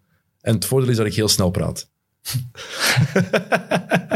Misschien soms te snel, maar voor die sport, voor dat onderdeel, was het dan voor een keer, voor een, keer een voordeel. Ja, dat was de moeite ook. Ik ben benieuwd wat dat gaat worden de komende jaren. Ik ook. Denk je dat er meer aandacht voor kan komen? Ja, de- die hele zaak, die fraudezaak, heeft er natuurlijk geen goed aan gedaan, denk ik. En vooral het feit. PR, toch? Ja, maar dat is het ding, het is daar nu weer ineens stil om geworden. Maar dat betekent ook, dat weet, dat weet jij ook, dat weet jij ook, Schokke. Op een gegeven moment gaat het weer aandacht krijgen. Ja, want komende WK is in Antwerpen, toch? Ja, volgende, komende zomer, eind juni denk ik dat het is. maar we weten allemaal dat dat terug aandacht gaat krijgen, hè? Die fraudezaak en wat er gebeurd is. Want er is nog altijd geen uitspraak geweest. Er is nog altijd, denk ik, een onderzoek aan de gang van de basketbalbond. Denk ik. Ja, oké. Ik weet het niet, hè? Los van wat die jongens wel of niet gedaan hebben, ehm, als we gewoon kijken naar die mannen hun prestaties, dat is voldoende, vind ik. Ja, nogmaals. Zij ook, verdienden er om te staan en zij hebben meer dan... ja, en ook als de fraude gepleegd, als het bewezen wordt dat het zo is, het ziet er zo naar uit. De dingen die ik daarvan gezien heb, de bewijzen ook, zo lijkt het inderdaad zo. Maar dan zijn zij ook Maar niet ze hebben zich geplaatst via het toernooi waar die fraude niet voor nodig was. Waar ze sowieso voor geplaatst waren. Mhm. Dus het toernooi waar, waarmee ze, allee, waarop ze zich geplaatst hebben voor de Spelen, daar was dat niet voor nodig. Dus inderdaad, het was wel terecht. Dan is het eigenlijk helemaal onnozel als ze het gedaan zouden hebben, want dan heeft het, eh, is het gebeurd zonder, zonder resultaat, zeg maar. Zwat, het is wat het is. Eh, ik hoop dat het niet te veel gezeik gaat opleveren en dat het ook inderdaad die populariteit van, die, van het Ja, het zou spijtig zijn, want het is super attractief om naar te kijken. ja, en ook ze hebben gewoon... Het was een van de mooiste verhalen tijdens de Spelen. Hè. We hadden Navitiam, Absoluut. ehm, we hadden Nina Derwaal Ja. en hadden we het Pre-Extreme mannen ook. Want ja, van Wout van Aert, dat is een prachtig verhaal, maar daar verwacht je gewoon al automatisch veel van. Navitiam misschien ook, maar die, ik denk dat niet dat er een grotere verrassing was bij de Belgen dan de, de Three Extreme mannen. Klopt. Tof om te zien. Ehm, LeBron heeft nog eens van zich doen spreken vannacht. Mhm. Heeft zijn andere bijnaam alle eer aangedaan. Ik heb die niet verzonnen. Ik zeg dat niet. Alle analisten zeggen dat. En niet Lakers-fans. Les Snitch was er weer. Wacht, wat heeft hij gedaan? Hij heeft twee fans laten buiten gooien. Ah, wauw. Ik, heb- ja, Dat is heel moeilijk om over te oordelen, omdat we niet weten wat die gezegd hebben. voilà, ik was aan het opzoeken van wat is daar nu gezegd. Dat weten we nog niet. dat is zo het kantje aan LeBron, waar ik wel zo... Klaagt wel echt fucking veel. Dat, ja, ook zo elke fout, hij, hij wordt, als hij niet scoort, is er een fout gemaakt. Zo, laat dat toch gewoon gaan, weet je. No harm, no foul. En Hij moet natuurlijk wel daar- veel incasseren, omdat het ook zo'n zo'n beest is. Ja, oké, maar ik vind dat heeft gewoon negatieve impact op, op, uw, op uw legacy lange termijn of zo. Vooral op de perceptie, denk ik. Hè. Mhm. En op het imago, hoe mensen naar hem kijken. Les Snitch of Lewine Baby, is er dan ook dat dat, dat gezegd wordt? Ja, of ik denk in, in, een andere fase, iets ervoor of zo. doet- hij- volgens mij is hij verantwoordelijk voor Schwalbe-gedrag in, in het basketbal of zo. ja, Ja, er zijn een paar. Chris Paul is daar ook een meester in. Ja. Die heeft dat ook geperfectioneerd. Manu Ginobili, mogen we niet vergeten. Manu Ginobili, meester in de flops eh, van, de, van de early guys. Reggie Miller was daar ook heel goed in. daar ben jij niet zo'n fan van, toch? Ja, maar, dat is ook, maar ik, dat is, ik geef het eerlijk toe. Vaak ik kan het objectief zien als een van de beste shooters ooit. Voor mij is dat ook ergens subjectief. Met mijn, mijn pa was een mega New York Knicks fan. En Reggie Miller wel. En ik was een mega Bulls fan. Ja, Miller is dan niet de, de Pacers. Was ook een super saaie ploeg. Vond ik toch. Zeker toen. Mark Jackson als point guard. Ik was enkel fan van Jalen Rose in die ploeg eigenlijk. En maar ik, ik, ga, Oh, ik- ik ga niet ontkennen dat het een van de beste shooters ooit is. Ik ga niet ontkennen dat, het bij de, dat hij bij de top 100 spelers aller tijden moet. Hè. Ah, toch? We hebben hem uit onze 75 gelaten. En Jocke, jij, jij was erbij. Jij hebt daar mee Ik voor eh, ik was gekozen. erbij. Ja. Maar dat, dat is, ik geef eerlijk toe, ik kan objectief kan ik wel gerust, kan ik met gemak inzien wat Miller wel of niet kan. En er is niemand die de, de kunst van het overscreen, van zonder de bal bewegen, die die kunst naar een ander, ander niveau heeft, heeft getild of ge- heeft gegeven als Reggie Miller. Hè. Niemand. En dan heeft Curry het geperfectioneerd. Ja, eh, Rip Hamilton, die ook nog. Die heeft daar Ja. eerst nog... Hoe Rip Hamilton over, over screens liep, dat was ook een kleine verbetering op Miller misschien. Maar Curry heeft het inderdaad naar een, een nog ander niveau, niveau getild. En nog steeds ook. Ah. Of nog meer uit. Absoluut. Maar het hele gedoe bij mij ook, ja, dat komt uit mijn kindertijd eerst. En mijn, echt mijn jongere jaren. Ja, dan ben je nog van. En dan kijk je er ook met een hele andere bril naartoe. Je moet objectief naar iets kunnen zien. Dan kan ik perfect zien wat zijn kwaliteiten waren en niet. Maar ik, ergens vind ik het ook leuk om eerlijk te zeggen hoe ik het... wat Ik mijn heb het gevoel dat ik al die was. wedstrijden toen gezien heb. Dat ze al die wedstrijden hebben uitgezonden. Hadden wij toen zo'n geluk dat zij altijd die wedstrijd kregen. Ik heb heel werden niet op voorhand uitgekozen, toch? Ik heb ook heel veel tapes nog thuis van de Indiana Pacers. Ook reguliere seizoensmatchen zelfs. Ja. Ja, ja, ik heb heel veel Indiana gezien Ja, ik in die tijd, volgens mij. ik ook. Met, met Rick Smits. Ik was ook geen fan van die shirts toen. Als jong gastje. Dat helpt ook niet. Nee, dat is niet zo'n mooi shirt. Als- die, Maar zeker als kind, dan word je nog meer getrokken naar, naar, naar bepaalde, bepaalde truitjes. Ah, voor mij was dat ook alleszins het geval. Spike Eh. Lee versus Reggie was echt top entertainment. Fantastisch, een 30 for 30 documentaire die daar ook over gemaakt is. Reggie Miller. En, maar dat vind ik het mooie eraan. En dat is wat heel veel mensen vaak niet kunnen loszien. Die trash-talken, die, sch- die schelden elkaar compleet uit. Maar daarna, en ook nu ook, dat, pakken die elkaar vast, is dat dus tijdens een match. En dat maakt het net mooi. Je moet elkaar sportief kunnen haten en het dan los kunnen zien van, van alles. Je moet eerlijk dingen kunnen, kunnen benoemen en kunnen zeggen, maar je moet elkaar ook gewoon kunnen, kunnen afzeiken. Vind ik toch? Ja, we zijn geen vrienden tussen die lijnen, toch? Nee? Allee, ja, in de ploeg wel, maar... Meestal. Ja. Meestal. Eh, Je, je- je bent Kobe-fan, dus je weet dat dat tussen de lijnen ook niet altijd het geval was. Eh, maar LeBron heeft dus twee fans laten buiten zetten. Hij zei zelf, ze hebben dingen gezegd die wij nooit tegen een fan zouden mogen zeggen, maar die fans ook niet tegen spelers mogen zeggen. Ehm, we weten allemaal welke dingen niet toegestaan zijn, die niet oké zijn, waar mensen direct voor buiten geschot moeten worden. Ehm, wat nu het geval was, ik weet het niet, maar ik vind het wel straf hoe hij er naartoe ging. Echt wijzen, die twee moeten buiten. En heb je gezien hoe die vrouw buiten liep toen ze Ja, zij was nog zo gezichten aan het maken of zo. zo echt zo meer met, haar, met haar vingers in haar ogen al, eh, Ah, was het een Karen? Ik weet, niet, ik weet niet of het een Karen was eigenlijk. Ze was gewoon eigenlijk met LeBron aan het lachen dat LeBron aan het huilen was. Ja, maar ik had wel de indruk van haar reactie dat het zo... Dat hij misschien niet de juiste mensen had aangetoond. Ja, dat zou ook kunnen. Ja. Maar ze hadden niet veel keuze, dat is het ding. Hè. Ze hadden niet veel keuze, want hij zei dat ze weg moesten en meteen security stond ervoor. Oké, ga maar weg. Nu, ik vertrouw erop dat ze effectief dingen gezegd zullen hebben die erover gingen.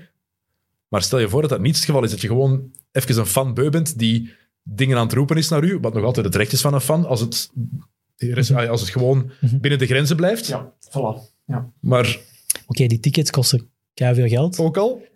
Nu, in Indiana zal het misschien een, wat meer meevallen als in, eh, als in LA. Ja, maar als LA langskomt... Ik ga binnenkort naar de States. Ik was ook aan het kijken om wat wedstrijden mee te pikken. En dan... LA-games zijn wel echt... eh, de duurste tickets. Lakers games. Ja. Dat is echt een gigantisch verschil. Ja, ja. Ik ben... eh Speel maar één ploeg in LA. Nochtans hebben wij daar reacties op gehad. Want ik zeg dat ook altijd van de Clippers. Er bestaan geen Clippers-fans van... Ja, ik... ja. Mensen hier, ja. Ja, Maar hier... voor mij ook. Ja, Hier, ik ben ja. Clippers van, maar ja, nee, in LA niet, hè. In LA zullen er wel zijn. Maar dat zijn nog altijd... Dat is Lakertown. zal altijd zo blijven, denk Dat is ik. purple en gold. Mensen dagen daar die shirts nu eenmaal. Ehm, wat vond je van de trui van Kyle Kuzma? Heb je die gezien? De pink sweater. Ik heb opnieuw hier de meme gezien. Zo, bij elke 15 likes wordt het trui groter. Top account. En dan zag ik er straks... Ah, wacht. Die trui was origineel al bizar groot. Ja. Echt. Ik denk dat die mannen dat ook gewoon doen voor de, voor de kliks en de views of zo. Oké, maar die trui... Dus het, het beste, beste deel daaraan was... Dus die trui was echt... Hij had een gigantische roze sweater aan. Maar die mouwen waren ook echt heel lang. Maar Ja. hij moest ook... Op een gegeven moment moest hij een deur open doen. Ah, dat heb ik niet gezien. Ah. Dus moest hij die mouwen zo opstellen. Oh, ik heb alleen de foto gezien. Oh, geniaal. Het zal Ik- koud geweest zijn. echt, uw, uw- allee, als uw stylist daarmee afkomt, zeggen van kijk, ik wil veel doen, excentriek zijn, maar dit is gewoon belachelijk. Allee, dat is next level. Het feit dat wij erover praten, is misschien al wat hij eh, voor ogen heeft. Het zal het doel zijn van Kyle Kuzma nog eens in O's komen. Ehm, Ex-Lakers-coach Luke Walton is ontslagen bij de, de Sacramento Kings. Eh 6 en 10 start. Het strafste daaraan is... heeft het op één na beste winstpercentage van alle Kings-coaches sinds de verhuis naar Sacramento in 1985. Rick Edelman is nummer 1, net geen 70% 42,2% van zijn matchen heeft hij gewonnen. Dat is nummer 2. Sinds 1985. Er zijn zo'n aantal ploegen in de NBA die het nooit niet gaan redden of zo, Zegt lijkt veel het. over de Kings. Ja. ja, die hebben gepiekt volgens mij met Webber, Divac en dergelijke. Maar dat kan toch niet? Ja, maar 42% Is Luke Walton een goede coach? Nou, dat is de vraag. Dat is, dat- Zijn claim to fame is, ah, Steve Kerr is ziek. En hij heeft dan zijn positie ingenomen en heeft daar dan... 24 matchen op rij gewonnen. 24 en 0 start. Ja. En zijn claim is slimme speler. Ploegmaat van Kobe geweest, twee titels gewonnen. Zijn vader is een van de beste basketters aller tijden. Maar als je kijkt wat hij bij de Lakers heeft gedaan en nu bij de Kings... Het waren ook wel geen dankbare situaties. Maar laten we heel duidelijk zijn. Absoluut. Bij de Lakers was het toen een shitshow. En Sacramento... Ja, dat is gewoon de definitie van stront eigenlijk. Hè? Ja, pff. Sacramento, Minnesota, dat zijn zo de ploegen waar dat je eigenlijk als rookie niet wilt terechtkomen, vrees ik. Ja, Echt, mm. Minnesota lijkt een beetje te, aan het keren te zijn, maar ik, ik snap, ik volg je daar helemaal in. Het, zijn die Ja. het is heel belangrijk om in een goede situatie terecht te komen als jonge speler. En als je dan daar terechtkomt, dan... dat wordt zo onderschat. Er wordt niet genoeg over, over gezegd welke impact dat, dat kan hebben op, op een speler zijn carrière. Nee, want je wordt ook een beetje omringd door negativiteit. Hè. Er heerst een negatieve sfeer rond de, gewoon de naam Sacramento. Alleen die stadsnaam al. dat, is een, dat is een negatieve connotatie rond puur door wat de Kings op sportief vlak bijvoorbeeld doen. Want buiten dat het de, de hoofdstad van Californië is, wat weten mensen van Sacramento? Niks, denk ik, hè? Nee. Voilà. Eh, wel straf. Een paar straffe dingen. In die laatste match, die is even moeten stilgelegd worden.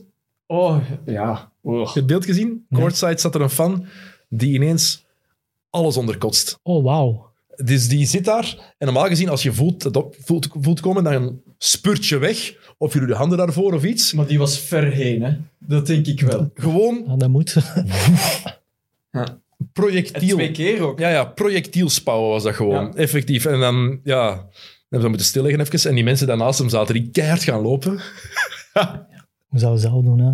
Ja, ik, ik, zou ook, ik zou daar niet meer terug gaan zitten. Maar, en dan de eerste match zonder Luke Walton. Daarna verliezen ze tegen Philly. En Philly speelde zonder één starter. Speelde zonder starters. Waren er allemaal niet bij. En ze worden dan afgemaakt. Ja, dat zegt eigenlijk genoeg. En dan weet je meteen, het ligt niet aan de coach. En Bill Simmons die had daar een goede tweet over. Laatste vier jaar hebben de Sacramento Kings Bagley gedraft over Luka Doncic. Ze hebben drie point guards gedraft. Drie. Goede keuzes. Zeker Halliburton en, eh, en Mitchell. Goede keuzes. Fox begin ik een klein beetje aan te twijfelen. Maar het, zijn wel drie keer dezelfde, het is drie keer dezelfde positie. Ehm, ze hebben Harrison Barnes niet getrade toen hij trade value had. Ze hebben geld gegeven, echt el- geld gegeven aan Tristan Thompson. Die verdient daar deftig. Dat is, dat is ook al passé.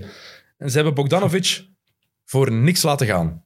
Ze hadden die, dat contract kunnen matchen en hem dan traden, dat ze daar iets voor terugkregen. Nou, was het gewoon draft picks, weet ik veel, iets kunnen doen.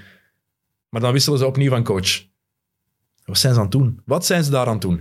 Ja, dat management moet gewoon in leer bij een andere club of zo.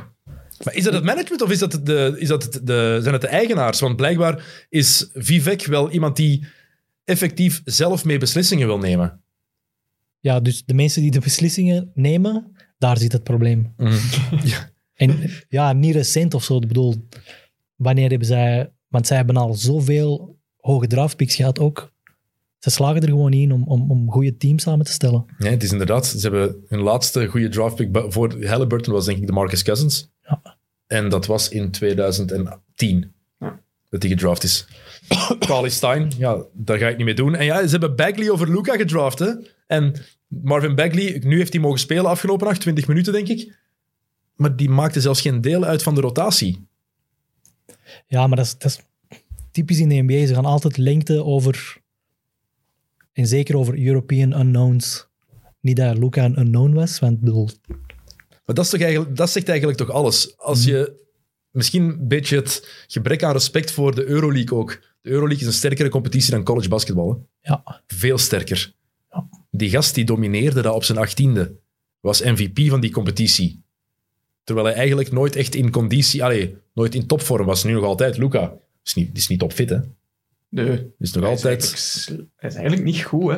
Ja, hij is, heel- dat is het probleem juist. Hij is heel goed. Hij is, Hij is goed, maar je merkt dat niet. hij is heel goed, maar hij is gewoon niet fit. Of niet... Nee, niet topfit. Of niet zo fit als hij zou kunnen zijn. maar geeft hij er dan niet genoeg om? Is dat niet bij heel veel gasten die zo in Ik vind dat gek, hè, want hij is zo competitief Ja. dat hij er geen punt van maakt van ah, volgend seizoen, ik ga gewoon super scherp. Is dat niet de leeftijd?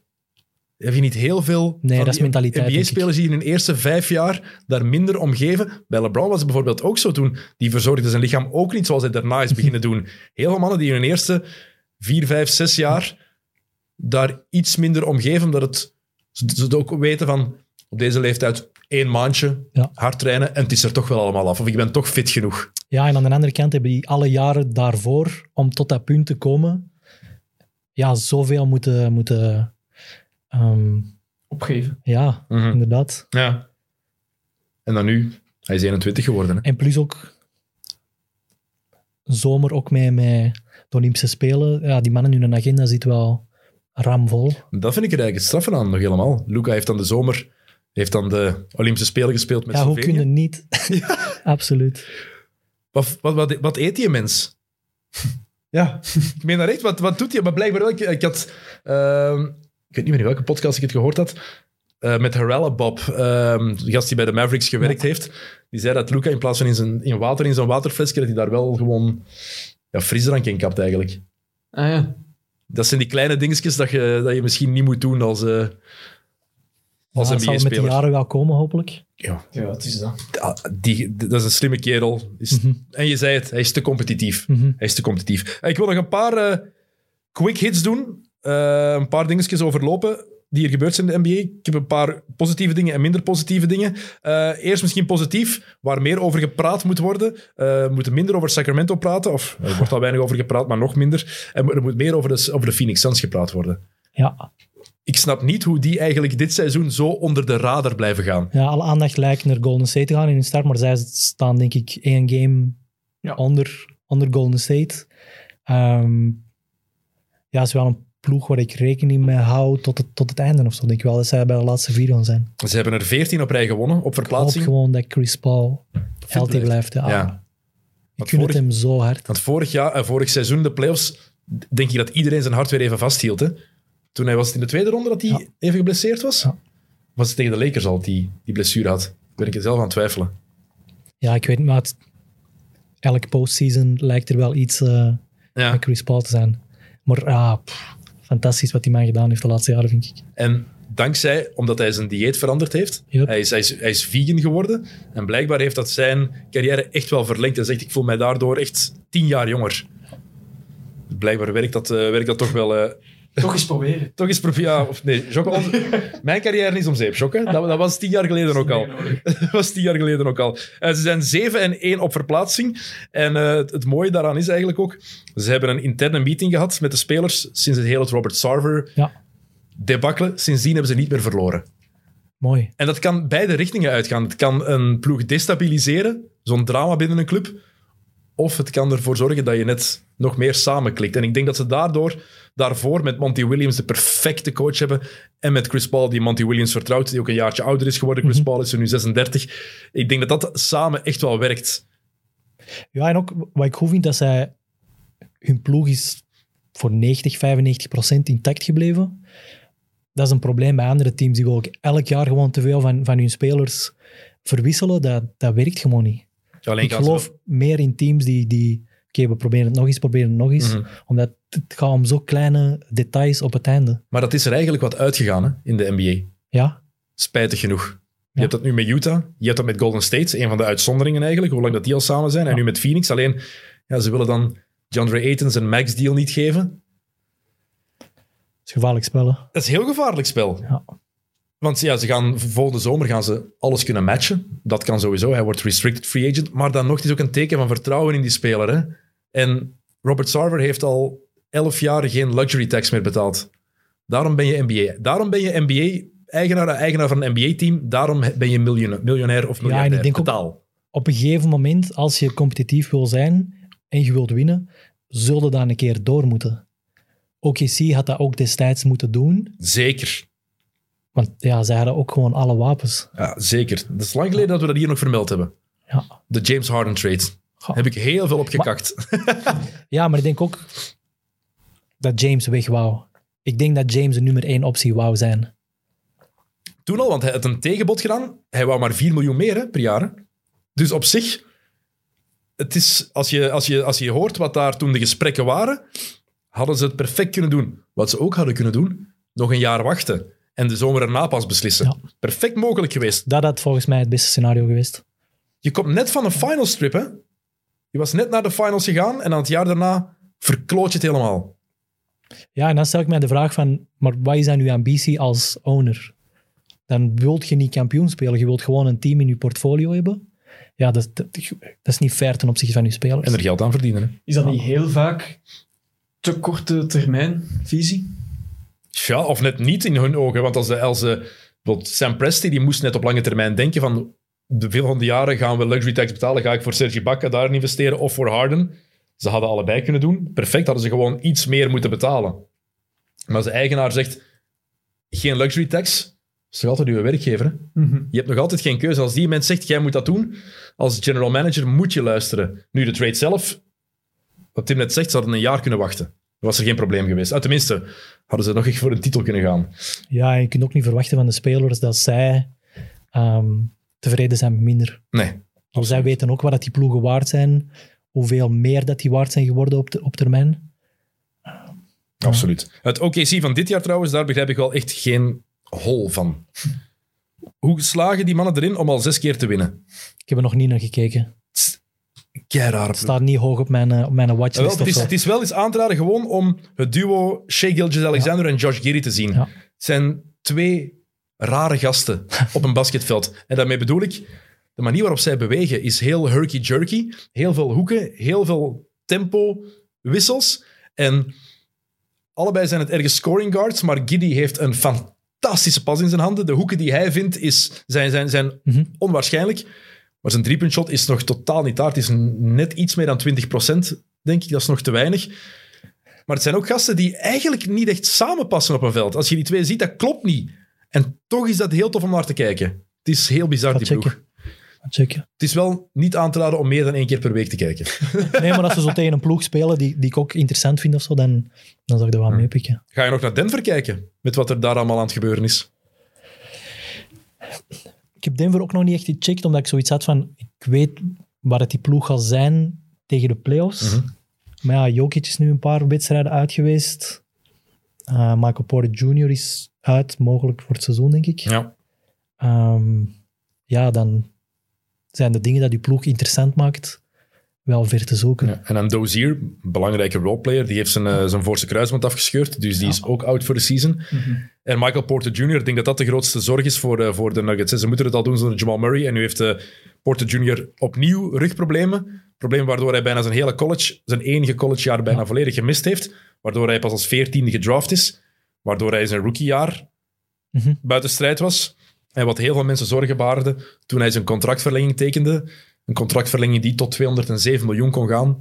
Onder voorwaarden, was niet, eh, niet gegarandeerd. Maar nu heeft hij mogelijk problemen met de zenuwen in zijn rug en gaat hij geopereerd moeten worden. Ja, Dat is- dat gevaarlijk, terug, Ja. ja, en dit was zijn jaar, denk ik. Omdat hij, als Murray er ook zou zijn, zou hij niet echt de aandacht krijgen. Mhm. Of zou het moeilijk zijn voor hem om dat op te eisen. Maar met de afwezigheid van Murray denk ik dat hij wel zich in een positie kon spelen van hey, ik ben hier ofwel lange termijn of ik kan een nummer één optie zijn bij een andere ploeg. Ehm, waarom spelen zij niet bol-bol? Ja, dat is een goede, goede vraag. Is, is, daar iets, is, is daar iets mis of zo? Nee, er is niks mis maar ik denk niet dat ze gewoon niet weten hoe dat ze die kunnen inpassen met, met Jokic ook. Lijkt mij. Maar ja, nu de, de paar wedstrijden dat Jokic niet speelt, is zoiets aan, dit lijkt me wel een moment. Het zal Michael Malone moeten niet in geloven, lijkt mij de enige optie te zijn. Terwijl straf ook in al die jaren dat Bol Bol in de NBA zit, is echt geen, geen kilo bijgekomen. Hè? Ziet er nog altijd Ja, uit als een stekje. En zegt... zijn degenen of zo dan, denk ik. Dat kan, dat, kan, dat kan zijn, maar het is wel redelijk belangrijk natuurlijk. Kevin Durant komt daarmee weg, omdat het mij gewoon een van de meest getalenteerde scorers aller tijden is. Heeft Bol Bol natuurlijk ja, niet ik vond echt... gewoon een interessant profiel om bezig te zien Ja. of zo. Het enige ding is, Michael Porter Jr., die was niet goed in de negen matchen die hij gespeeld heeft. Eh, 9,9 punten per match, slechte percentages, was echt niet goed aan het spelen. Mhm. Maar dan zag je ook, op een gegeven moment dat hij die blessure opliep, ging daar voor die dunk. En dus, die gast is 2 meter en 11, 2 meter en 12, denk ik. En zakt gewoon door. Zijn rug kon gewoon niet omhoog gaan. Ik hou mijn hart echt vast voor, ehm excuseer, voor, de, voor de Nuggets, want dat ziet er echt, ziet er Ja, echt dat- slecht uit, eerlijk gezegd. Maar dat is nog eens een, een, een argument van hoe dichtbij je er soms bij bent en dan is het gewoon weg voor, voor jaren. Ja, want vorig jaar, als ze fit waren geweest met Curry, had ik ze als titelfavoriet gezet. Een paar jaar geleden was het ook zo, het eerste jaar dat de Warriors met Curry een titel hebben gewonnen. Met de Portland Trailblazers. Mhm. En die hadden toen echt een goede ploeg. Die hebben toen Aaron Aflalo binnengehaald bij Ja. de trade deadline. Hadden ze Aldridge en Robin Lopez, die toen goed was, en Lillard die top was. En dan scheurt Wesley Matthews zijn Achillespees af. Ja. En toen Ah, was het daar een ook gedaan. cruciale blessure, vond ik. toen. Ja. Want anders denk je dat Portland meedoet voor de titel dat jaar. Dus het zijn van die kleine dingen die het, die het, echt, eh, die het echt kunnen veranderen. Hè. Ehm, de Warriors, die heb jij al even genoemd. Ja, Draymond Green die heeft eh, het heel duidelijk gezegd. In een persconferentie vond ik... They better, let, they, they better not let us win a title this season. Ik zou het niet erg vinden. Ik ook niet. Nee? Het is gewoon goed basketbal om naar te kijken. En ja, Steph Curry is must-see television. Ik heb het straks voor de dingen ook al gezegd. Ehm, er gaat ook niet direct nog eens een Steph Curry komen. Want En iedereen vergelijkt Trae Young daarmee, maar dat is eigenlijk een Nee, dat- totaal andere nee. speler. Hè? Trae Young, doet, Trae Young is on ball. ja, Curry is zoveel meer dan dat. ja, indrukwekkend. En dan nu Clay Thompson die nog moet terugkomen. Maar ik weet niet of dat, dat per se veel meer gaat doen, want er moet wel iemand ja, minuten vrijmaken voor hem. Maar sowieso in de Ja, playoffs ze worden breder nog, hè. nog breder. Ze spelen al met 13 man. Want Jonathan Kuminga krijgt tegenwoordig ook minuten. En blijkt dat die in no time... Die weet blijkbaar hoe je moet luisteren naar Draymond Green. Als je die ziet verdedigen, die is zo... Die weet perfect op welke plaats hij moet staan. Die doet defensief meer. Die doet eigenlijk wat we misschien van Andrew Wiggins verwacht hadden in zijn eerste jaren defensief. Wat hij nu wel brengt. top. Dit jaar is Wiggins echt goed, hè? Is zo, dit is dus Harrison Barnes 2.0. Ja, maar dat is ook nog eens, situatie is zo belangrijk. Situatie en, En de rol. mensen rondom u en, en het respect dat die mensen afdwingen. En in sommige situaties, ja, wie ging dat doen voor hem in Minnesota? Maar je Ja. voelt gewoon, zoals bij de Suns, dat, dat, dat heel die ploeg... Nog meer Dat zelfs. moet gewoon heel tof zijn, denk ik, om daar nu bij te spelen. Maar dat helpt natuurlijk ook als je een superster hebt zoals Stephen Curry. Bij, bij Phoenix is het ook heel duidelijk. Je hebt Chris Paul en je hebt Devin Booker. Booker die trouwens ook midrange master is, nog meer is geworden. Maar er is geen enkele superster waar het volgens mij zo leuk mee is om mee samen te spelen als met Stephen Curry. Omdat die gast zo altruïstisch is. Ja, die Ja. gaat zijn shots pakken. Maar als een ploegmaat van hen een driepunter binnengooit, was het, wie, wie gooide er van de middenlijn in binnen vannacht? Ah, ik weet niet meer wie het was. Maar dan, Curry begint dan mee te dansen voor, voor die gasten. Dat is... Maar ja, werkt aanstekelijk. We hebben gewoon een goede sfeer in, in, in de ploeg. Ehm, en op papier lijken zij niet zo indrukwekkend. Nee, dat is, dat Want is voor, aan- aanvang van het seizoen had iedereen zoiets van, nou, Warriors, Clay Thompson is misschien uit tot, tot de playoffs, play-in misschien. Ja, is gewoon beste in het westen. Ja. Ik ben heel benieuwd wat Clay Thompson gaat kunnen brengen. Want als die nog maar 75% van zijn, van zijn Maar hij is er ook kan halen... gebrand ook, hè. Ja, daarom. Ja, ja. daarom. En hij- oké, hij heeft lang niet gespeeld, maar hij is niet iemand die veel vraagt. Nee. En hij, hij traint trouwens nog altijd met het shirt met nummer 77 op. Hè. Master. Vind ik, echt, ik, ik hoop eigenlijk dat hij zijn nummer verandert en daarmee speelt. Dit seizoen. Het zal wel nog even duren, denk ik. Ja, we spraken dat hij voor, voor Nee, kerst dat- wordt al gezegd nu. Dat geloof ik niet. Nee? Nee? Nee, Ik denk dat ze het risico ook niet gaan nemen. Omdat het zo goed gaat nu. dat is helemaal niet nodig. Nee. Hij is, ook maar, hij is vorige week beginnen, beginnen trainen, 5 tegen 5. En die twee blessures waar hij vandaan komt. De rugblessure van, van, van eh, Michael Porter Jr., dat is next level. Want dat is een, als je een probleem aan je zenuwen in je rug hebt, dat is levensgevaarlijk gewoon. Dat, kunnen echt, dat kan grote gevolgen hebben. Maar op basketbalvlak heeft Clay Thompson wel de grootste pech gehad met die voorste kruisband en dan die Achillespees. Ehm Paul George, is dit jaar een. MVP-kandidaat. Ja. Hij speelt eindelijk zoals wij altijd hoopten dat hij een heel seizoen zou spelen. Toch? Ja? Maar komt dat nu omdat Kawhi weg is, dat hij Absoluut. effectief... Dat, is dat de enige reden? Want die ploeg daar rond vind ik echt niet goed, hè. En Eric Bledsoe, wat een vreselijke ramp is dat echt. Jesus Christ. De cijfers met... ook al heel lang, hè? Huh? Dat weten we toch al. Ja, maar de cijfers van de Clippers met Bledsoe zijn... Ik heb ze hier nu niet opgeschreven. Die zijn... Oh, ik zou ze moeten opzoeken. Die zijn om van te blijten, hè. Dat is echt vreselijk, die gast. En dan is er Paul George die gewoon alles recht trekt. Alleen. Is hij niet de, de... Komt hij niet dichtst bij waar Pippen vandaag de dag zou zijn in, in een huidige NBA? Ik denk dat... Want ik denk wel dat hij het niet erg vindt als Kawhi terugkomt om die nummer twee te zijn. Ik denk dat hij er wel dat moeite mee gehad ja. heeft, omdat hij heeft nu veel meer shots, veel meer kansen. Hij kan rustig in de game komen. Dat is wat moeilijker als, als je shots ja, bijna gehalveerd worden. Qua mentaliteit bedoel je dat niet qua spel. Ja, Ja, ik denk dat het ook wel helpt dat hij natuurlijk die tijd bij Indiana heeft gehad als absolute eerste optie. Ja. En dat hij heeft gemerkt dat het net niet genoeg was. Ook al scheelde het eigenlijk niet veel. 2014. nee, dat was iets waar dat- ja, op dat moment dachten van oké, als LeBron het niet meer doet, Ja. wat dan nog tien jaar geduurd heeft, dan zal Indiana wel rond hem iets kunnen bouwen. Ja, zeker. Hij leek gewoon iemand die tegen LeBron kon opgaan. Ja, en hij was ook fantastisch in die ja, 2013 en 14. De playoffs was hij fantastisch. Dan heeft hij, ja, spijtig genoeg, Die blessure. hè. echt dat, dat beeld van die, dat hij zijn been brak. Maar petje af dat hij er nu op, op dit niveau zo terug staat. Ja, want die blessure dat is niet te onderschatten. Gordon Hayward trouwens hetzelfde. Hè? Ja. Twee dingen die ik eh, heb zien gebeuren. Eén heb ik, las ik live aan het zien, Gordon Hayward.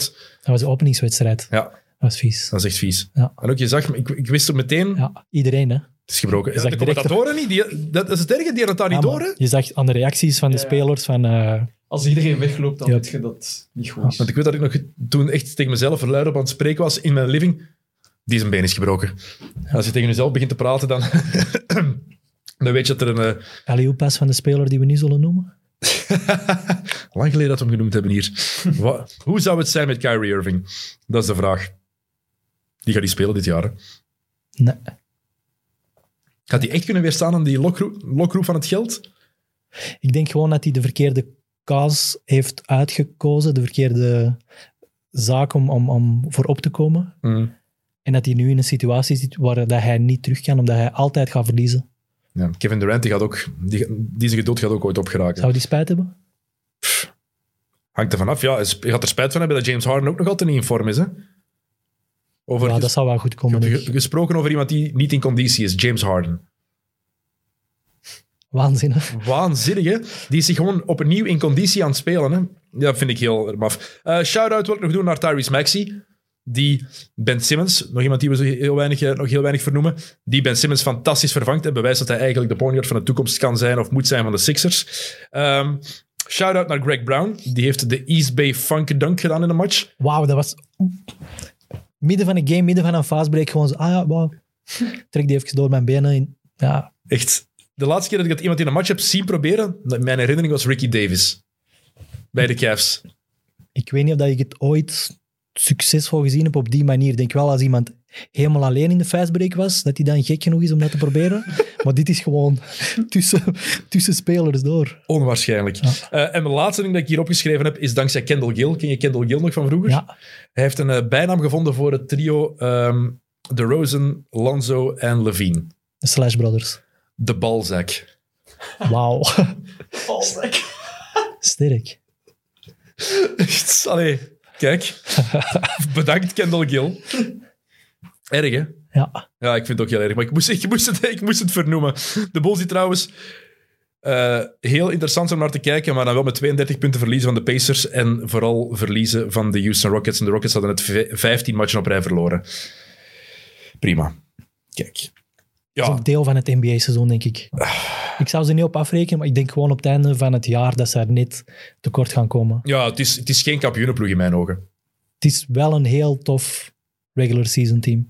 Dat is waar. En vooral fastbreak. Hè. Vooral fastbreak. Als die mannen beginnen te lopen, dan... eh, Ja, maar ook naar het einde toe. Ik denk die, die combinatie Levine, de Rosen is, is, is heel nice. Oké. Tim, eh, we moeten afronden, want eh, ik moet naar een andere opname. Spijtig genoeg. Ehm, heb jij nog iets te pushen van jouw programma's?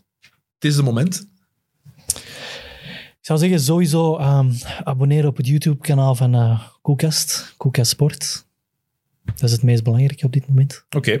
Eh Jokke, er is Kick en Rush geweest deze week. Ja, Met eh, Tim, Leroy en Jelle. het gouden trio. Het gouden trio.